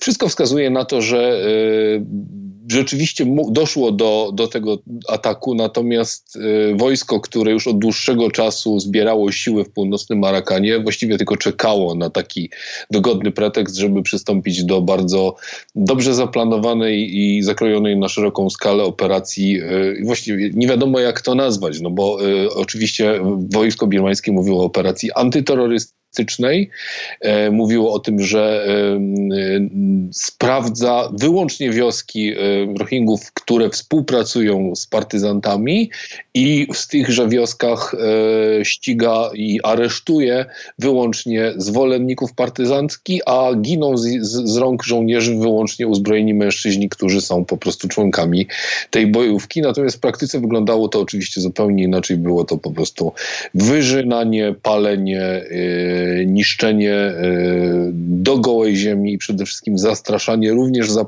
za pomocą gwałtów.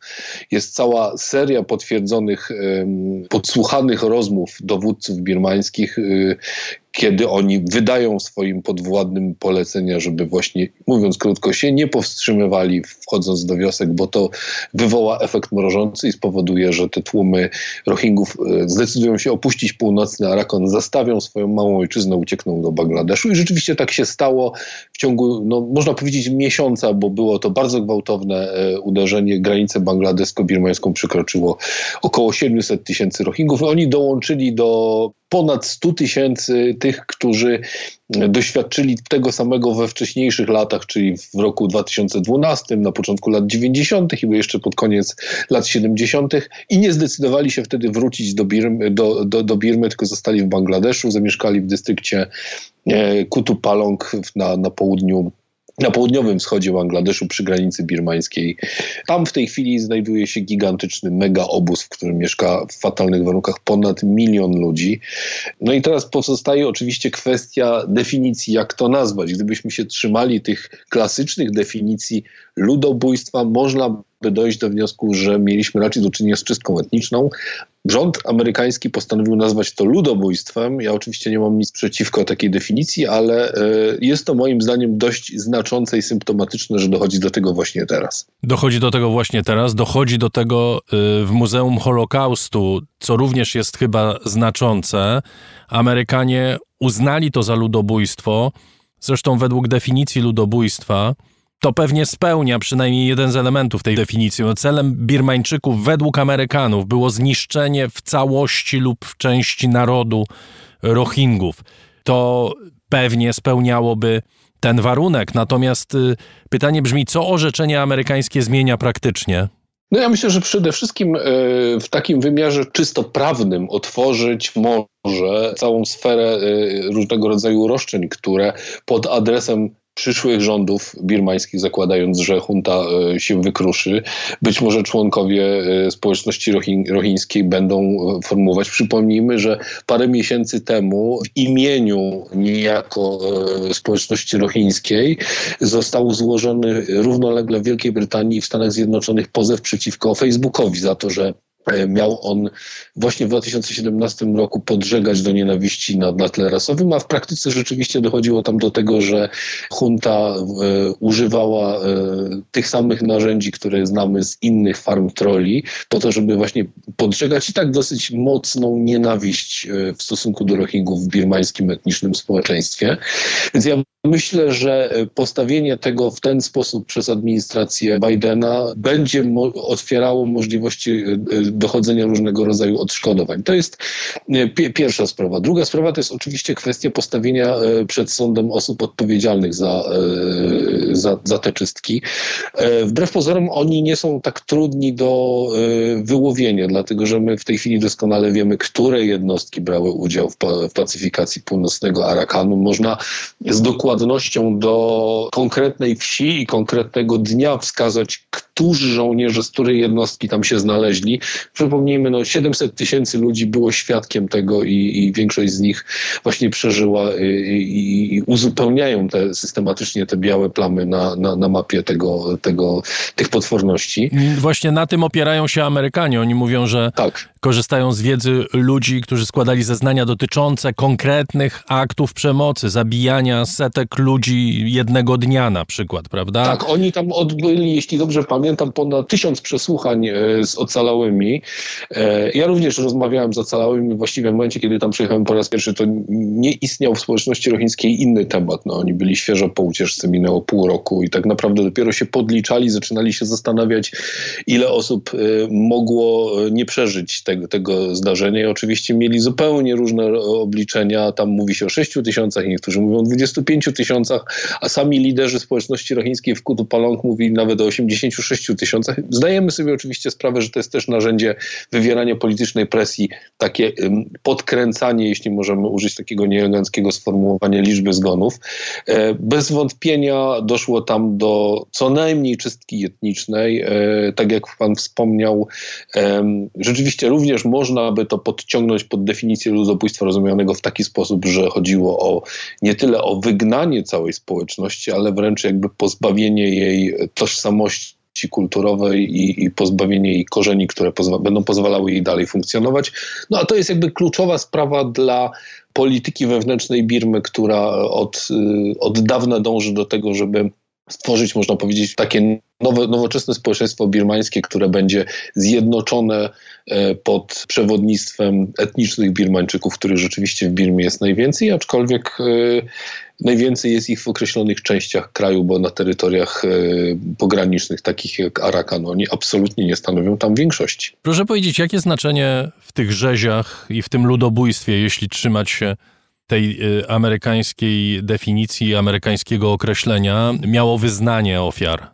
To, że oni są muzułmanami. To jest rzecz kluczowa, dlatego że y, Birma w olbrzymiej większości jest krajem y, buddyjskim, zdominowanym zresztą przez ten taki jeden z najstarszych, wręcz najstarszy terawadyjską odmianę buddyzmu ten buddyzm dość mocno w olbrzymim uproszczeniu zblatował się z, z władzą, utożsamia się z jej celami politycznymi, bardzo wspiera y, birmański nacjonalizm.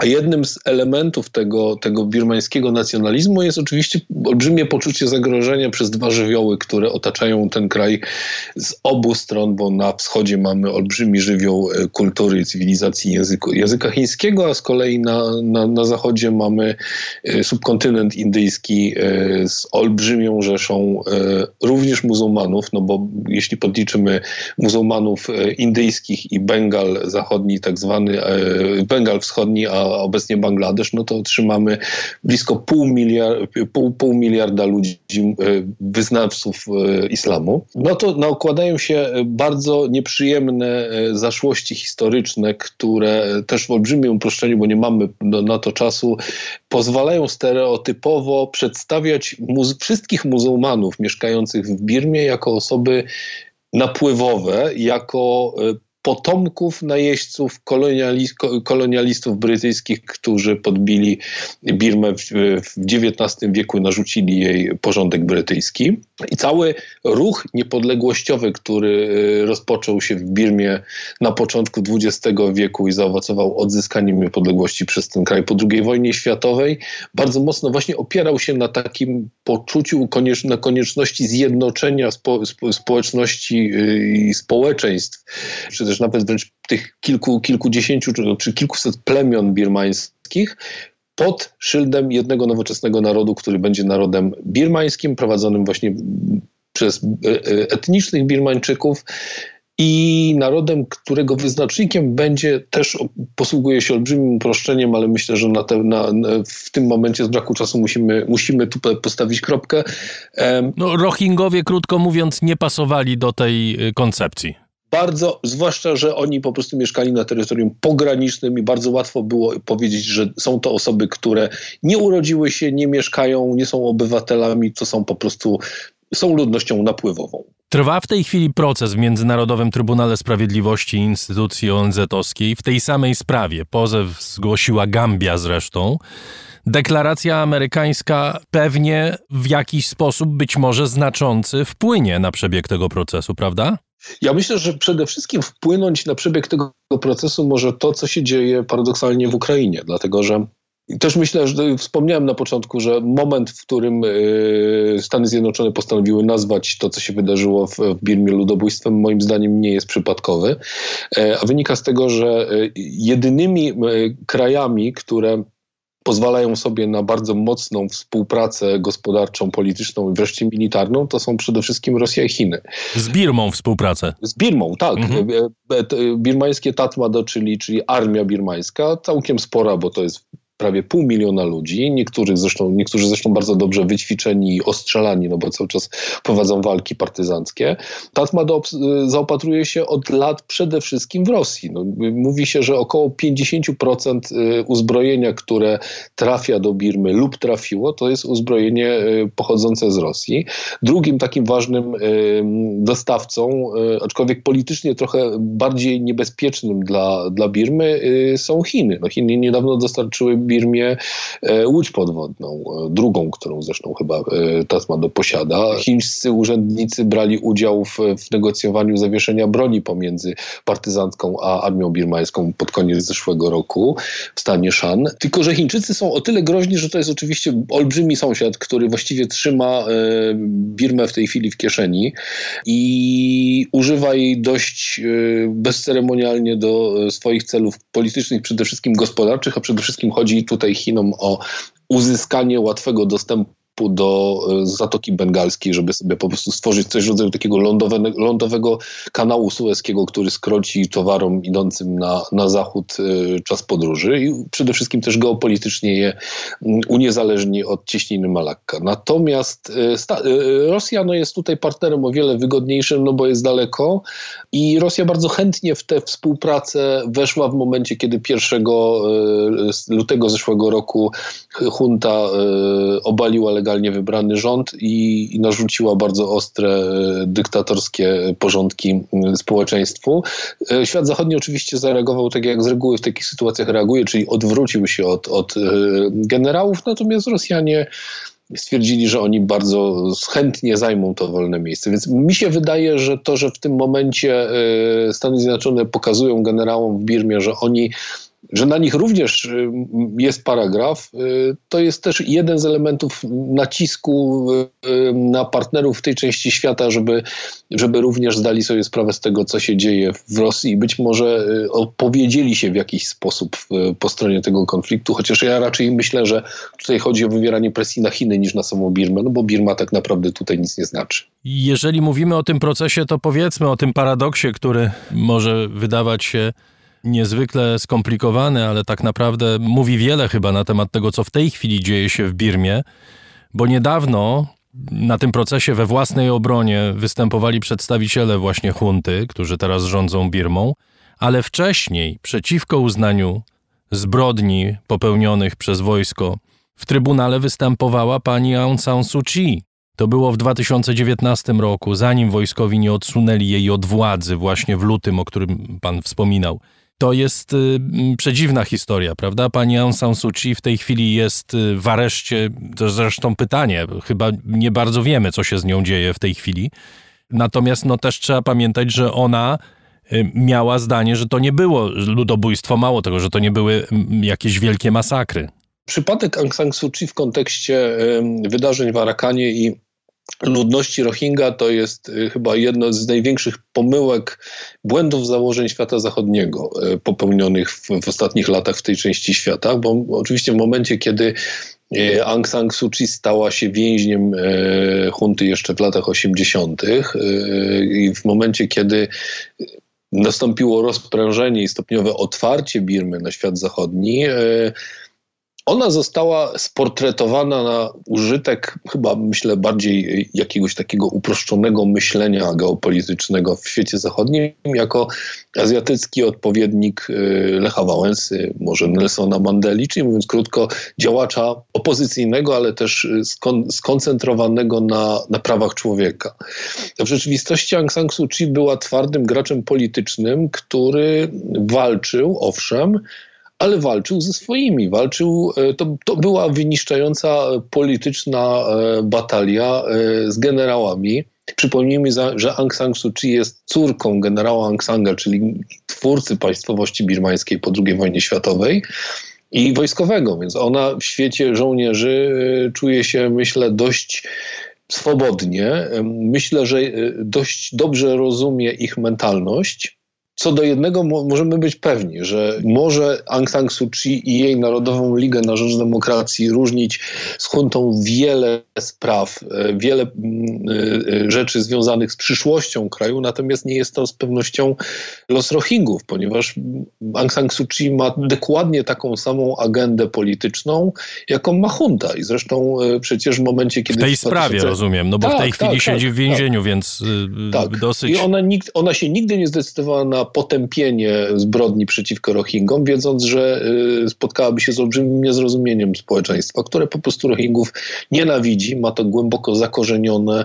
nieprzepracowane, nie do końca zrozumiane. Ja nie będę tutaj psychologizował, to na pewno są, są doskonali specjaliści również w Polsce, którzy są w stanie to zmapować. Natomiast to, że ona się nie opowiedziała przeciwko temu, co się wydarzyło w Arakanie, nie wynikało ze strachu, nie wynikało z tego, że, że to była jakaś doraźna kalkulacja polityczna. Ja myślę, że przede wszystkim wynikało z tego, że ona ten opinię, że Rohingowie to jest pewna grupa społeczna, którą należy spacyfikować w jakiś sposób, po prostu podziela. Co się w tej chwili dzieje z Rohingami, którzy zostali e, w Mianmie czy w Birmie? oraz z tymi, którzy przebywają e, głównie w Bangladeszu. Wspomniał Pan o tym wielkim obozie, gdzie mieszka e, ponad milion ludzi, ale czy jeszcze jacyś zostali w Birmie? Zostali. To ciężko powiedzieć, ilu zostało. To jest prawdopodobnie od 150 do 300 tysięcy osób zamieszkujących głównie właśnie północny Arakan. To są ci, którzy nie uciekli, nie zdążyli uciec albo gdzieś tam się błąkali po, po, po lasach w trakcie tego eksodusu i w którymś momencie, kiedy armia birmańska już zamknęła granicę, dochodząc do wniosku, że, że już wystarczy, ten efekt mrożący został wywołany, no to zostali tam niejako uwięzieni. Ich położenie też nie jest do końca jasne, bo informacje z tej części Birmy dochodzą z, z dużym utrudnieniem. Tam jest ciężko wjechać, e, ciężko uzyskać informacje, które by nie były, na, na które by nie, nałożony, nie był nałożony jakiś filtr propagandowy, ale oczywiście coś wiemy i to wiemy sporo. Przede wszystkim wiemy, że spora część terenów e, zamieszkiwanych przez rochińskie społeczności została zagospodarowana przez państwo birmańskie. Bądź stoją tam już w tej chwili jakieś instalacje militarne, albo wręcz przeciwnie, trwają tam intensywne prace e, związane z budową gazociągów, autostrad, różnych innych instrumentów, które właśnie w domyśle prawdopodobnie posłużą do połączenia chińskiej prowincji Yunnan z, z Zatoką Bengalską. Można założyć, że jednym z celów politycznych tej sytuacji, tego wygnania Rohingów, tego ludobójstwa, właśnie było wyczyszczenie terenu pod przyszłe, pod przyszłe inwestycje, chociaż nie powiedziałbym, że to był cel numer jeden. No to raczej nie. To chodziło przede wszystkim o doprowadzenie do czystki i, i, i usunięcie ludzi, którzy są kłopotliwi jakby e, tożsamościowo-narodowościowo. Większość Rohingów mieszka w tej chwili, w, w, można powiedzieć, w takich na, na terytoriach w pełni e, kontrolowanych i spacyfikowanych przez gwardię, przez wojsko, przez milicję. Tam oczywiście trwają dalej dość intensywne walki z, z, partyzantami. Tych partyzantów jest zresztą kilku. Kilka grup partyzanckich, dwie główne tam działają. One dążą do oderwania Arakanu, ale to nie chodzi o, o Rohingów, nie chodzi o to, co się wydarzyło w 2017 roku, tylko po prostu chodzi o oderwanie tej części Birmy od, od, od Birmy właśnie. Na pewno nie, nie Żyje się tym ludziom dobrze, oni są właściwie w tej chwili pozbawieni samodzielności bytowej, można by zaryzykować takie stwierdzenie. Nie mają prawa do ziemi, nie mają prawa do własności, nie, raczej nie utrzymują żadnych zwierząt, nie prowadzą gospodarstw rolnych. Jeśli już, jeśli już, to tak jak to miało miejsce wcześniej, bardzo często są po prostu parobkami na własnej ziemi, ponieważ ich y, gospodarstwa stają się własnością najczęściej y, jakichś wysoko postawionych oficerów. Po drugiej stronie rzeki Nav, czyli lądujemy już w Bangladeszu, mamy olbrzymi obóz, ponad milion ludzi. I tutaj sytuacja jest o tyle dramatyczna, że oni tam są już piąty rok, a właściwie czas stanął w miejscu i niewiele w ich położeniu się zmieniło. E, dalej wegetują w fatalnych warunkach, te obozy są potwornie przeludnione. Oczywiście nowi już tam nie docierają w takich e, liczbach jak w 2017 roku, ale pamiętajmy, że jest to młoda społeczność, tam się rokrocznie rodzi około 60-70 tysięcy dzieci, więc ta, ta, ta grupa się po prostu będzie powiększać. W ciągu 15 lat ich tam przybędzie mm, prawie 50%. Pojawiają się jakieś próby rozwiązania tego problemu, bo on jest dla Bangladeszu również kłopotliwy. Y, była próba przeniesienia części Rohingów na taką wyspę Bashan Chor położoną w pośrodku Zatoki Bengalskiej. Rohingowie to fatalnie znieśli, no bo skojarzyło im się to z, z kolejnymi przesiedleniami i z, z e, aresztem tak naprawdę na wyspie.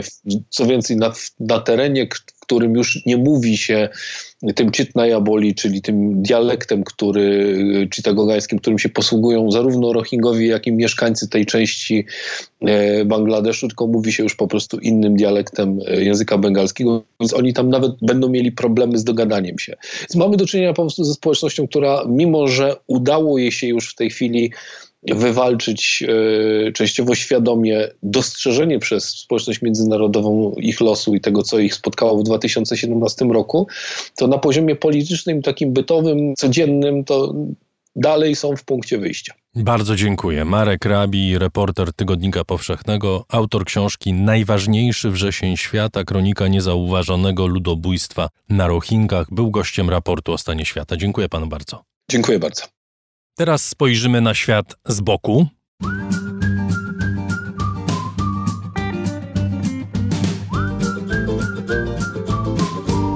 Myślą Państwo pewnie, że za chwilę błysnę jakimś krótkim wprowadzeniem, potem będzie początek podkładu muzycznego i odezwie się Grzegorz Dobiecki, nasz boczny obserwator. Mylą się Państwo, ale tylko nieznacznie. Grzegorz jest. Witam Cię serdecznie. Dzień dobry. Dzień dobry i będzie mówił o świecie, ale nie z boku, tylko sprzed mikrofonu i nie w formie felietonu, choć o swoich felietonach właśnie, które ukazują się w formie książkowej nakładem wydawnictwa Mando, Świat z boku, absurdy zagranicy, taki jest podtytuł tej książki, a raport jest dumnym patronem medialnym tej publikacji. Zaraz porozmawiamy o świecie, ale najpierw o pisaniu, jeśli pozwolisz. Co to jest felieton? Odpowiedź zaraz, jeśli pozwolisz. Ja najpierw dodam, że raport jest nie tylko dumnym patronem, ale i siłą sprawczą tego, tego zbiorku, a właściwie siła sprawcza tu fizycznie przede mną siedzi, nazywa się Dariusz Rosiak. Gdyby nie e, redaktor Rosiak, to by nie było tych felietonów ani tej książki, bo to za jego sprawą e, wszystko powstawało. Co to jest felieton? Najszlachetniejsza, moim zdaniem, forma wypowiedzi dziennikarskiej. Mówię tak, jakbym się tutaj uszlachetniał, albo nawet uarystokratniał, czy uarystokraciał. Nie wiem, jaka jest forma prawdziwa. Tak sądzę, że to jest naj, najtrudniejsza, najbardziej zobowiązująca, najwdzięczniejsza także e, forma wypowiedzi, bardzo osobista, e, za którą chyba się nie należy brać, nie mając za sobą długiego doświadczenia E, na dobre i na złe w dziennikarstwie i w ogóle w oglądaniu i w próbach zrozumienia świata. Ja się w każdym razie za to wziąłem bardzo późno, e, jakieś wcześniej próby czyniąc, ale te dopiero chyba okazały się sensowne. E, jest to także forma wyczerpująca, mnie przynajmniej. Ja się morduję pisząc w ogóle pisząc, a te felietony już zwłaszcza, to są przecież formy dość krótkie. Wydawać by się mogło, że usiąść, złapać jakąś myśl za ogon, za głowę, za stopę, za skrzydło, bo one są nieraz uskrzydlone i już. No nie, jeszcze trzeba ją, trzeba nad nią zapanować, trzeba ją ściągnąć na ziemię gdzieś tam z obłoków i nadać jej odpowiedni kształt, a z tym bywa różnie. Zaraz o technikaliach i o twoim pisaniu w sensie fizycznym porozmawiamy. Natomiast mnie zainteresowało to, co powiedziałeś, że to jest y, bardzo wymagająca forma i taka, za którą powinni się brać ludzie już coś mający do powiedzenia, bo to jest forma, która zakłada, że dzielimy się z widzem, słuchaczem, czytelnikiem, w tym wypadku przede wszystkim czytelnikiem, swoimi poglądami, swoim widzeniem świata. My w tej chwili żyjemy w świecie mediów społecznościowych, w którym każdy dzieli się swoim widzeniem świata w zasadzie non-stop. Budzą się ludzie i zaczynają się dzielić. Wszyscy się dzielą, nikt nie chce brać tego, co wychodzi z tego dzielenia, tylko wszyscy chcą dawać. Wszyscy uważają, że to jest czas, kiedy każdy z nas ma swoje 5 minut, 10 minut, 20 tysięcy followersów albo 80 tysięcy i z nimi wszystkimi musimy się dzielić. Ty, jak rozumiem, i to jest absolutnie y, dopuszczalne i usprawiedliwione, mówisz o pewnej szlachetnej wersji, to znaczy o takiej, która zakłada, że umie się złożyć zdanie, że umie się zawrzeć w nim pewną metaforę, że pewne rzeczy się kojarzą z innymi, że one wynikają z tego, co przeczytaliśmy w życiu, z tego, co wysłuchaliśmy, z, ze spotkań, które y, mieliśmy. Tak? Tak, tak to pojmuję, tylko też ostrożnie. Ja się pod tym wszystkim nie chcę podpisywać, żeby nie wychodziło na to, że ja uprawiam, że ja się wzniosłem na, na same wyżyny i w ogóle nikt tam nie, dla nikogo innego tam już nie ma miejsca. Ja to jest próbuję, mój opis, no ja tak, wiem, nie chcę cię się stawiać no. w krępującej sytuacji. Nie uważam się za mistrza gatunku. E, Gdzież tam, e, zwłaszcza, że ja tego gatunku nie uprawiam tak długo i tak, i tak namiętnie i z jakimiś oszałamiającymi wynikami. Tak to pojmuję jako, jako dzielenie się doświadczeniem, a ci inni, którzy nam proponują swoje przemyślenia, no, trzeba umieć wybrać. Tak jak w sklepie jest 1500 gatunków e, piwa, a Francuzi mają 400 ileś gatunków sera, no wszystkich naraz nie będą jedli. Są takie, które są serami szlachetnymi, dojrzewającymi długo, zanim się nadadzą do, do konsumpcji i, i, pewnie będą mieli swoich amatorów. Są też takie serki jednorazowego użytku, takie błyskawiczne, co to można je tam połknąć, ale niekoniecznie trzeba. Felieton to jest też taka forma, która zawiera pewną bezpośredniość. Czasami bywa obraźliwy, czasami bywa obrazoburczy. My żyjemy znowu w czasach, w których Niektórzy nie lubią się konfrontować z poglądami, z którymi się nie zgadzają. Najlepiej, najbardziej lubią się konfrontować z poglądami, które się zgadzają i sami wyznają. Ty się kontrolujesz, pisząc te felietony, czasem myślisz sobie, no tu bym pojechał, ale jednak zatrzymam się. Tak, tak, tak. Przede wszystkim nie, nie, wydaje mi się, że to jest zauważalne, że chyba nie obrażam ludzi, ani, ani inaczej myślących. Chociaż za faszystę bywasz uważany. No tak, to jest Mizogina i tak dalej. No, milczę. Co zrobić? No to wszystkim się podobać nie, nie można. Byłoby to nienormalne i podejrzane, ale nie, nie, nie jest to moim celem, by kogokolwiek obrażać w sposób, w sposób chamski jeszcze, no tego słowa użyjmy.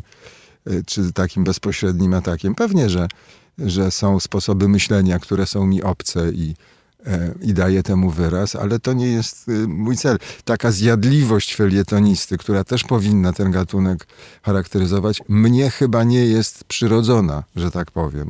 Nie, nie, nie są one napastliwe jakoś szczególnie. Chyba, że e, no chyba, że ktoś mnie uzna za faszystę albo za mizogina, no to rozkładam ręce bezradnie.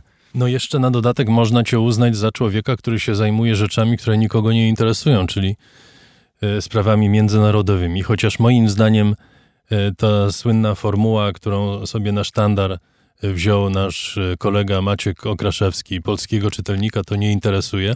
Ona chyba odchodzi jednak w niebyt, bo teraz po czasie, w którym wszyscy się interesowali konstrukcjami samolotów, nadszedł czas, kiedy wszyscy wiedzieli, jak funkcjonują wirusy i na czym polegają pandemie.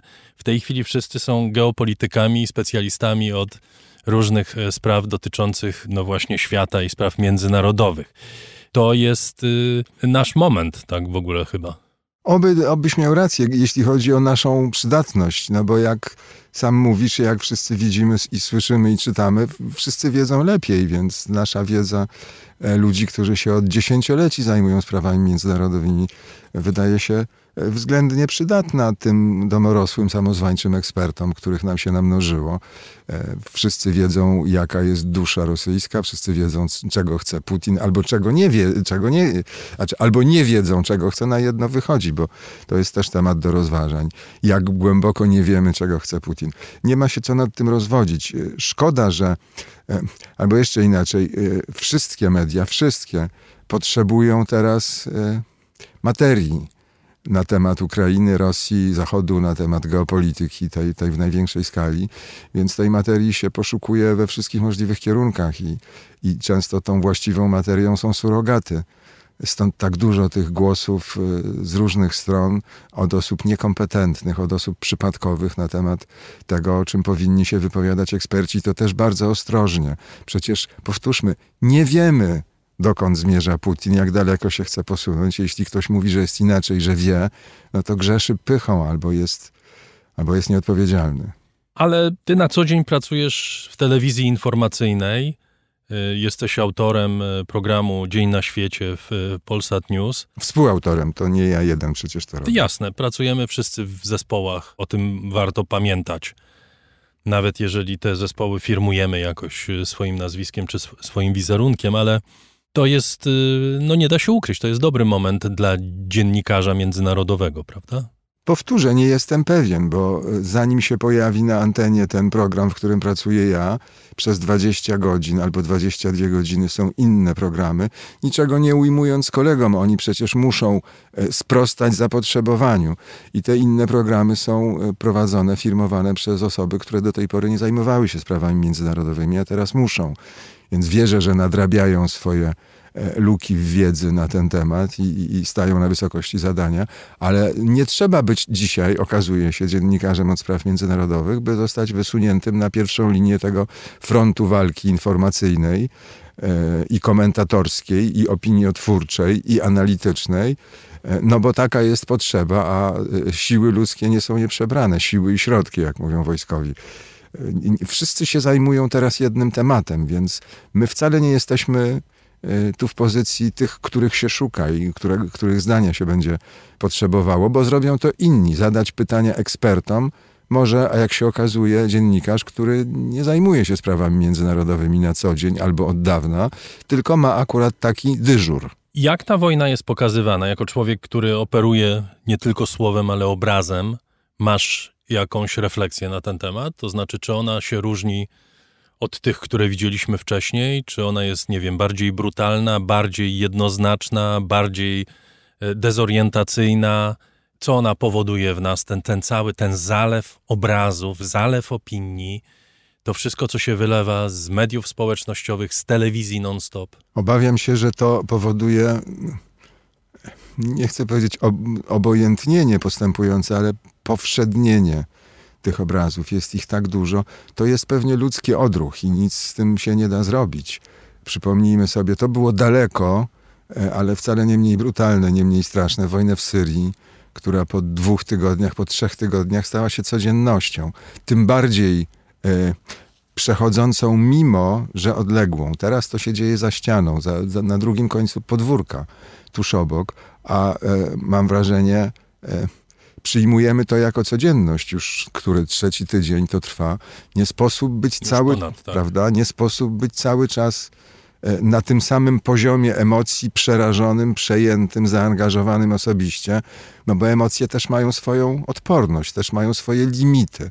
Zwłaszcza kiedy się pracuje y, w telewizji, która no, ma rozciągłość dłuższą niż na przykład program taki jak raport, prawda? Gdzie my, nawet jeżeli zdecydowaliśmy się na to, że pracujemy codziennie albo prawie codziennie. Zresztą świetnie, że to, to, właśnie tak się odbywa w przypadku raportu. To te, te programy mają godzinę czy półtorej godziny, piątkowy dwie godziny.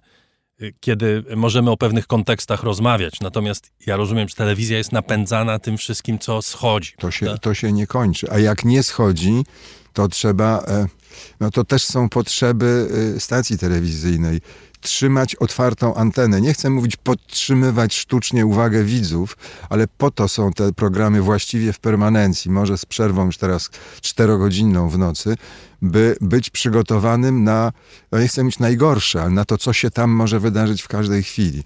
Po to siedzimy tam po nocach, by móc e, podać natychmiast tę informację, która może być bardzo ważna i może, może się pojawić lada chwila. O tym na przykład odpukać, czy Kijów się nie obronił. Wracając do książki, mówisz, że ci się ciężko pisze. Ciężko ci się pisze na poziomie fizycznym, to znaczy na poziomie składania słów tak, żeby miały sens? Czy trudno ci wymyśleć temat?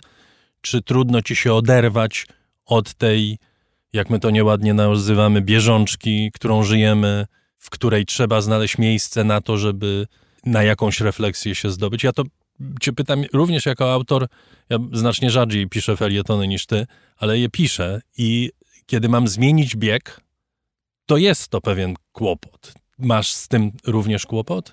Czy chodzi ci bardziej o sam proces pisania? Teraz to się jeszcze bardziej zmieniło, za chwilę o tym. M mnie chodzi głównie o proces pisania. Ja jestem do końca niezadowolony z tego, co, co powstało. Uważam, że no każdy, każdy pisarz. Prawda, zadowoleni, zadowoleni są pisarz grafomani. jak każdy piszący. Może ja się za pisarza nie uważam. To, to, ja wielokrotnie o tym mówiłem, bo ja też czasami odpowiadam na takie pytanie. Jest takie słowo po angielsku writer. No tak. Writer ten, to jest pisze. człowiek, który pisze, prawda? Można pisać o sporcie, można pisać o sztuce, można pisać o konstrukcji maszyn. Jesteś writerem, tak? Zgoda. Człowiekiem, który pisze. I oczywiście, że w języku polskim, jak powiesz o sobie pisarz, to yy, wszyscy będą z boku się podśmiechiwać. Uważa się za Mickiewicza. Tak jest. Gdzie tam Mickiewicz? Mickiewicz. No więc właśnie, nie ma takiej sugestii, że się uważasz za Mickiewicza, ale jest sugestia, że jesteś pisarzem, tak jak wszyscy, którzy piszą, są pisarzami. Przyjmuję z pokorą. No i niezadowolony jestem do końca z tego, co napisałem. Uważam, że można było lepiej, że, że trochę inaczej, ale w którymś momencie trzeba to zamknąć, bo tak to by się nigdy nie skończyło, prawda? By się, by się czy ja bym ślęczał nad tym w nieskończoność. To jest ta największa trudność. Felieton jest formą krótką, mu, musi być krótki, żeby miał, żeby był felietonem. E, I nad tymi, ile tam wychodzi, 3000 znaków, to strona, półtorej strony. Ja, ja, bardzo długo siedzę, to nie powstaje za jednym zamachem. No tak, jeszcze na dodatek masz mnie, który ci mówi, że to powinno być krótkie. W zasadzie. Ja, tak. ja, nikomu nie mówię, że powinno być krótkie w tej audycji, a tobie mówię, że powinno być krótkie, co i tak kończy się tym, że to jest zwykle 4,5-5 minut. A miało być 3. A, a, miało być na samym początku 3, no ale już nawet nie mówię o trzech. No, to nie Także y, siłą woli i zasiedzenia czasowego, że tak powiem, doszedłem do tego, że zdobyłem prawo do pisania dłuższych felietonów. Niektórzy tak postępują też w geopolityce, prawda? Wymuszają ustępstwa na innych. To mnie się udało, oby nikt z tych wzorów dzisiaj nie korzystał, wiadomo co mam na myśli. Jeśli chodzi o inspirację, i oderwanie się od tej bieżączki, no to ona mi jest niezbędna, bo ja z niej wyciągam te, wyłapuję motywy, które pewnie gdzieś tam przechodzą bokiem. Tak to się nazywa i to jest zresztą też tytuł, który ty wymyśliłeś, żeby wszyscy wiedzieli świat z boku. Ta rubryka istniała zanim ja się w, w niej zagnieździłem bo tam byli już i Piotr Kamiński, i Andrzej Łodyński, których jeszcze raz przepraszam za to, że ich wygryzłem, bo to trochę tak wyszło. To była, powiedzmy, jakby to powiedzieć, decyzja nie do końca od ciebie zależna. Może tak. No, nic, milczę, no bo co tu mam więcej gadać. Inspiracja to są właśnie te bieżące historie, e, które przechodzą bokiem, e, takie powiedziałbym nieoczywiste, prawda? Te wszystkie rozmowy, które dotyczą aktualności wielkiej wagi, najważniejszych tematów, ty załatwiasz mhm. w rozmowach z gośćmi. Mnie zostaje to, co jest z boku, albo na co można spojrzeć z boku. Bardzo mi to odpowiada. I takie próbuję wychwytywać cienie, refleksy, półcienie, pół słowa, które nieraz padają. E, tak były te felietony konstruowane wokół tego rodzaju zjawisk. Teraz jest to robić trudniej, bo e, dzisiaj nie bardzo potrafię patrzeć na świat z boku, skoro świat mi się pakuje na twarz frontalnie i jakoś temu trzeba podołać. Nie wiem, jak patrzeć z boku na, na Ukrainę. Z boku to jeszcze się da, ale na przykład filuternie albo humorystycznie, no co też jest przecież elementem e, felietonu. Tutaj to jest bardzo cienka linia, prawda, żeby jednak nie przekroczyć pewnej granicy wrażliwości, bo oczywiście można zrobić wszystko. To nie jest specjalny problem, żeby zrobić wszystko, tylko można, tylko trzeba sobie zadać pytanie po co, dlaczego i czy wypada. Wy, wyjawię Państwu, że Darek odrzucił jeden mój felieton, pierwszy po y, napaści, tej pełnowymiarowej napaści y, Rosji na, na Ukrainę i absolutnie to rozumiem, bo to był tekst, y, nie, może on nie był zły, ale był chyba zbyt lekki. W każdym razie redaktor uznał, że jest jednak zbyt lekki na ten czas powagi, śmiertelnej przecież powagi, bo to zaczęło się od zabijania ludzi i dalej trwa. I nie protestowałem. Mm, pewnie, pewnie słusznie. Ten felieton gdzieś tam sobie istnieje, może kiedyś jeszcze wychynie, jak będą czasy spokojniejsze. I dalej mam z tym kłopot. Nie wiem, czy teraz na jakiś czas Poza tym, że jestem zmordowany tam tymi programami w telewizji, tymi dyżurami do białego rana. E, na jakiś czas bym chyba od tych felietonów odpoczął. No ja ci oczywiście tydzień nie pozwolę. A, tydzień czy dwa, no to inna rozmowa. Jeszcze chciałem cię zapytać, no bo oczywiście bardzo długi czas pracowałeś we Francji. Ja jakiś tam czas pracowałem w Wielkiej Brytanii. To są oba kraje, które mają wspaniałe tradycje literackie, również tradycje felietonowe, chociaż oczywiście y, ja będę się upierał, że tradycja brytyjska jest znacznie lepsza, ciekawsza, bogatsza. Nie wiem, czy się będziesz ze mną zgadzał, czy się będziesz nie zgadzał, ale na pewno jest pewien element lekkości, pewien element y, takiej, jakby to powiedzieć, sztuki retoryki czy sztuki pisania francuskiej, który no właśnie ową lekkość zawiera i który gdzieś tam jest obecny w tym, co robisz. Czy ty w ogóle się plasujesz w takiej tradycji, czy ty się uważasz za człowieka, który jakoś z kultury francuskiej i z, ze sposobu patrzenia na świat po francusku y, się wywodzi? Myślę, że tak, że w dużej mierze, chociaż bardzo dużą część tego sposobu patrzenia na świat odrzucam i stosunku do świata. Dzisiaj ten stosunek zauważamy choćby postawą prezydenta Macrona, choćby postawą francuskich firm, które z Rosji się nie wycofują. To, to nie jest. Wiesz, jak jest z Carrefourem? Bo ja za każdym razem, jak chodzę do Carrefoura, to mam pewne wątpliwości, ale nie jestem pewny. Nie, Carrefour chyba, nie wiem, wiem, że tam jest ale co, mamy po nazwisku, po, po, po, po szyldach no, lecieć? A, jasne. No to, to Auchan, znaczy no... Się nie wycofuje i wygłosił takie I Leroy Merlin, no to Leroy, To jest ta sama, e, ta sama grupa. Aha, okay. Auchan, Leroy Merlin, e, kto jeszcze z tych Decathlon? Decathlon. To, są, to jest jedna grupa. Co do e, Carrefoura nie wiem jak jest. Przyjmujemy, że jest niewinny. Prawda? Skoro nie, nie ma dowodów winy, to, to, to, nie to, to nie mówimy o winie. Dyrekcja Auchan przekazała taki komunikat, że nie rozumie krytyk Ukrainy płynących pod jej adresem, bo przecież Auchan jest jedną z firm, która najbardziej zaopatruje w żywność Ukrainę. Co ma piernik do wiatraka? E, nie o to chodzi, nie o tym, była, nie o tym rozmawialiśmy, prawda? Nie taki temat był zadany. Z francuskiego stosunku do świata przejawiającego się w dziennikarstwie na pewno przyswoiłem tę lekkość, która nieraz jest ryzykowna, nieraz jest zbyt nieznośna, e, ale jest przydatna.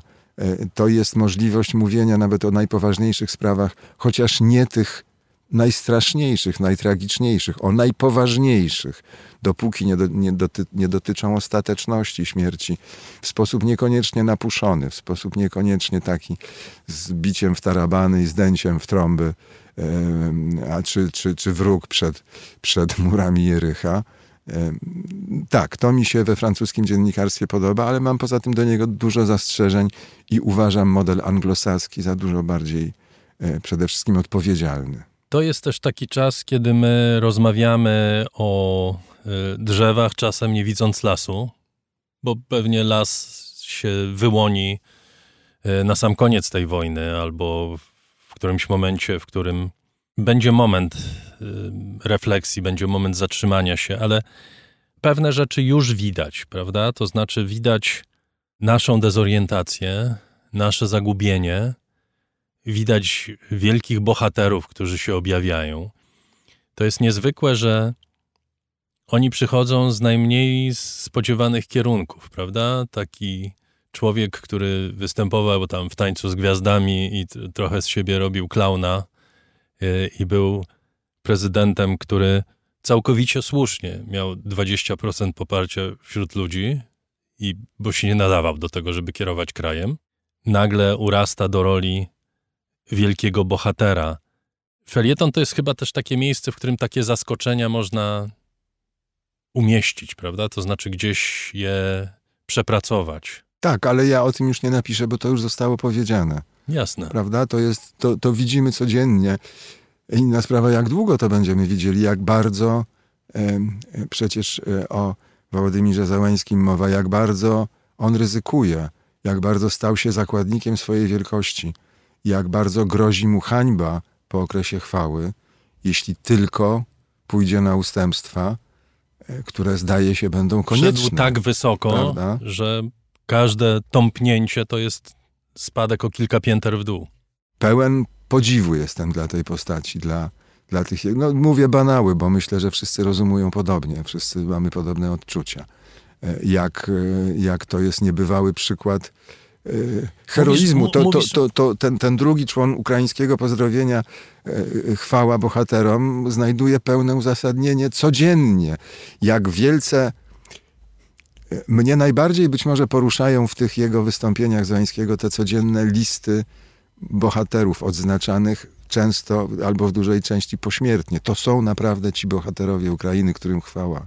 Mówisz banały czy truizmy, ale one nie są truizmami w tej chwili. One po prostu opowiadają o tym świecie, który nagle został uszlachetniony. Mówiliśmy o uszlachetnianiu felietonu. Trochę nie na temat, ale świat się nam uszlachetnił, prawda? Nagle zaczynamy odnajdywać w nas, w Polakach, ludzkie cechy. Nie jesteśmy wyłącznie przedmiotem polityki, nie jesteśmy wyłącznie poglądami, nie jesteśmy wyłącznie zwolennikami PiSu albo, albo Platformy, przez... ale choć niektórzy z nas, żeby nie wiem co, żeby tutaj prawdopodobnie Ruscy weszli, to, to też będą cały czas krzyczeć na temat tego, czy są z PiSu, czy z PO, ale stosunkowo mniej takich postaw jest, prawda? Mamy współczucie, mamy serdeczność, mamy otwarcie, takie cechy, które pewnie gdzieś tam się e, budują w nas, czy wyrażają się w nas w sytuacji zagrożenia, ale się wyrażają. Tylko też nie popadajmy w samozachwyt, bo no, do tego już niedaleko chyba. Jacy my jesteśmy świetni, jacy solidarni z Ukrainą. Ja nie wiem, czy bym nie wolał, żeby dalej Polacy się kłócili o to, kto woli PiS, a kto woli Platformę, byleby tylko nie było wojny w Ukrainie. Jeśli to jest nasz zysk z wojny z Ukrainie, to wolałbym, żebyśmy nie mieli takich zysków. Ale my nie mamy takiego wyboru. Jasne. Jasne i dobrze się stało, że przy tej okazji na chwilę choćby, oby jak najdłużej ona trwała, te podziały poszły na bok. Tylko świat z boku właśnie się tu kłania. Na, na, ten bok jest bardzo blisko, to zaraz wszystko wróci albo, albo już się pojawia. Przede wszystkim uważam, cytowałem to gdzieś, przytaczałem parę razy i, i wydaje mi się, że ciągle warto. E, jak mamy znajdować uzasadnienie dla tego, e, e, skąd się bierze nasza postawa, dlaczego pomagamy Ukraińcom, to przypomina mi się odpowiedź księdza Tischnera na pytanie, dlaczego warto być, czy w ogóle po co być solidarnym z innymi. A ksiądz Tischner odpowiedział, bo tak jest dobrze. Jaką korzyść słuchacze albo czytelnicy Twoich felietonów mają z Twojej pracy, to wszyscy wiedzą, ponieważ one są znakomite, to mają przyjemność estetyczną. Ci, którzy potrafią w tym odkryć cechy dobrej literatury, to również z tego korzystają. Ale co ty z tego masz? Co, co ci to daje albo co ci to zabiera Zabiera ci to noce, bo wiem, że nocami piszesz. Ale no ale to, to, jest daje? mój tryb życia taki, że to, to nie jest poświęcenie, to po prostu... Tak masz. Ja, ja tak mam, ja tak funkcjonuję. Ja mam z tego wielką przyjemność bycia częścią ekipy raportu o stanie świata, bo uważam to przedsięwzięcie za, za absolutnie fantastyczne, że świetnie, że to, że to się udało, udaje i będzie udawać, jak wierzę. Mam z tego taką tanią satysfakcję, tanią, bo na łechce próżność, E, że spotykam się z komplementami większymi i częstszymi niż za to, co robię w telewizorze od kilkunastu lat. Może dlatego, że raport lepiej umie trafić do ludzi niż, niż to, co ja robię stamtąd. Może to jest inna publiczność, e, żadnej nie wyróżniając. One są może po prostu różne. E, polecam przy okazji, korzystając z tej okazji, program pod tytułem Dzień na świecie, który teraz w związku z e, wydarzeniami w Ukrainie ma wydłużoną formę, jest dwugodzinny, choć robiony tymi, tymi samymi siłami, co przedtem 20-minutowy programik na tle tego, co musimy zrobić teraz. E, no, spełnienie zawodowe? Nie, bo ja jeszcze nie zamykam bilansu, jeszcze się będę dalej spełniał. Nie, może no mam nadzieję, innych, że jeszcze wiele formach. odcinków i y, kolejne dopełnione wydania tego zbioru twoich felietonów będą się ukazywać. Pewnie, no chciałbym dalej, jak najbardziej. Na razie być może rzeczywiście odsapnę, proszę wybaczyć. A, no ale odsapniesz na dwa no odcinki no na albo trzy, tak, tak. spokojnie. Tak. Także proszę się nie przyzwyczajać do tego, że Grzegorz będzie odpoczywał, bo tylko krótko będzie odpoczywał. Świat z boku, absurdy zagranicy, tak się nazywa książka, która właśnie się ukazuje nakładem wydawnictwa Mando. Mamy dla Państwa kilka egzemplarzy. Bardzo proszę pisać na nasz adres raport rosiaka.gmail.com i szczęśliwcy dostaną książki od nas, a nieszczęśliwcy są proszeni do księgarni i do zakupu tych książek. Dziękuję Państwu dziękuję. bardzo i dziękuję Grzegorzowi. Dziękuję bardzo. To już prawie wszystko w tym kolejnym wojennym wydaniu raportu o stanie świata. Nie wiem, jak wiele jeszcze wojennych odcinków programu nas czeka. Wiem, że będziemy starali się relacjonować tę wojnę i inne wydarzenia na świecie, tak jak dotychczas. Dziękuję bardzo, bo to możliwe jest dzięki Państwa wsparciu. Raport wraca w przyszłym tygodniu. Adrian Bąk, Chris Wawrzak, Dariusz Rosiak, dziękujemy za dziś. Na koniec jeszcze jedna grupa ukraińskich żołnierzy, zespół Antytila, którego członkowie walczą dziś w szeregach armii ukraińskiej w Kijowie. Kilka dni temu zwrócili się do Eda Sheerana, który organizuje koncert charytatywny dla Ukrainy w Birmingham 29 marca z propozycją dołączenia do występujących przez łącze satelitarne. Nie wiem, czy Antytila wystąpi w Birmingham, ale w raporcie zawsze. Do usłyszenia. Jany brat, ty na sestra moja, nie rozkazuj kto i w czemu je na naszej ziemi. Люди, як кораблі, кожен пливе, поки хвиля несе, і поки глибока вода. а глибока і темна до самого дна, до самого, самого дна.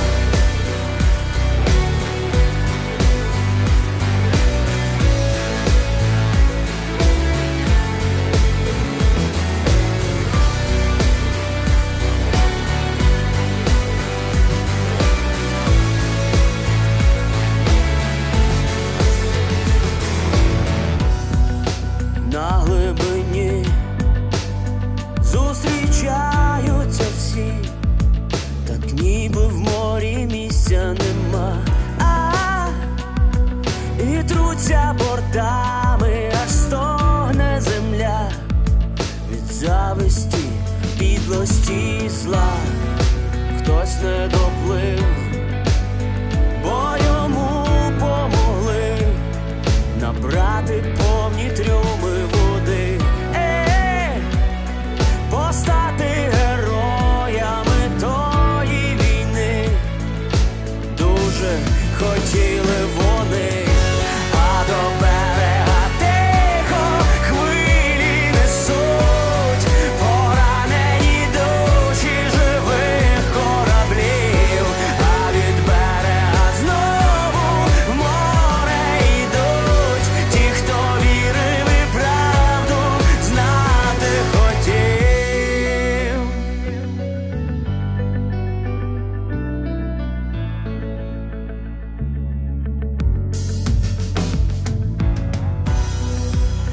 наш океан знає більше, ніж ми, секрети всі у нього на дні, е, а ми ходим зверху, великі малі, люди, як кораблі.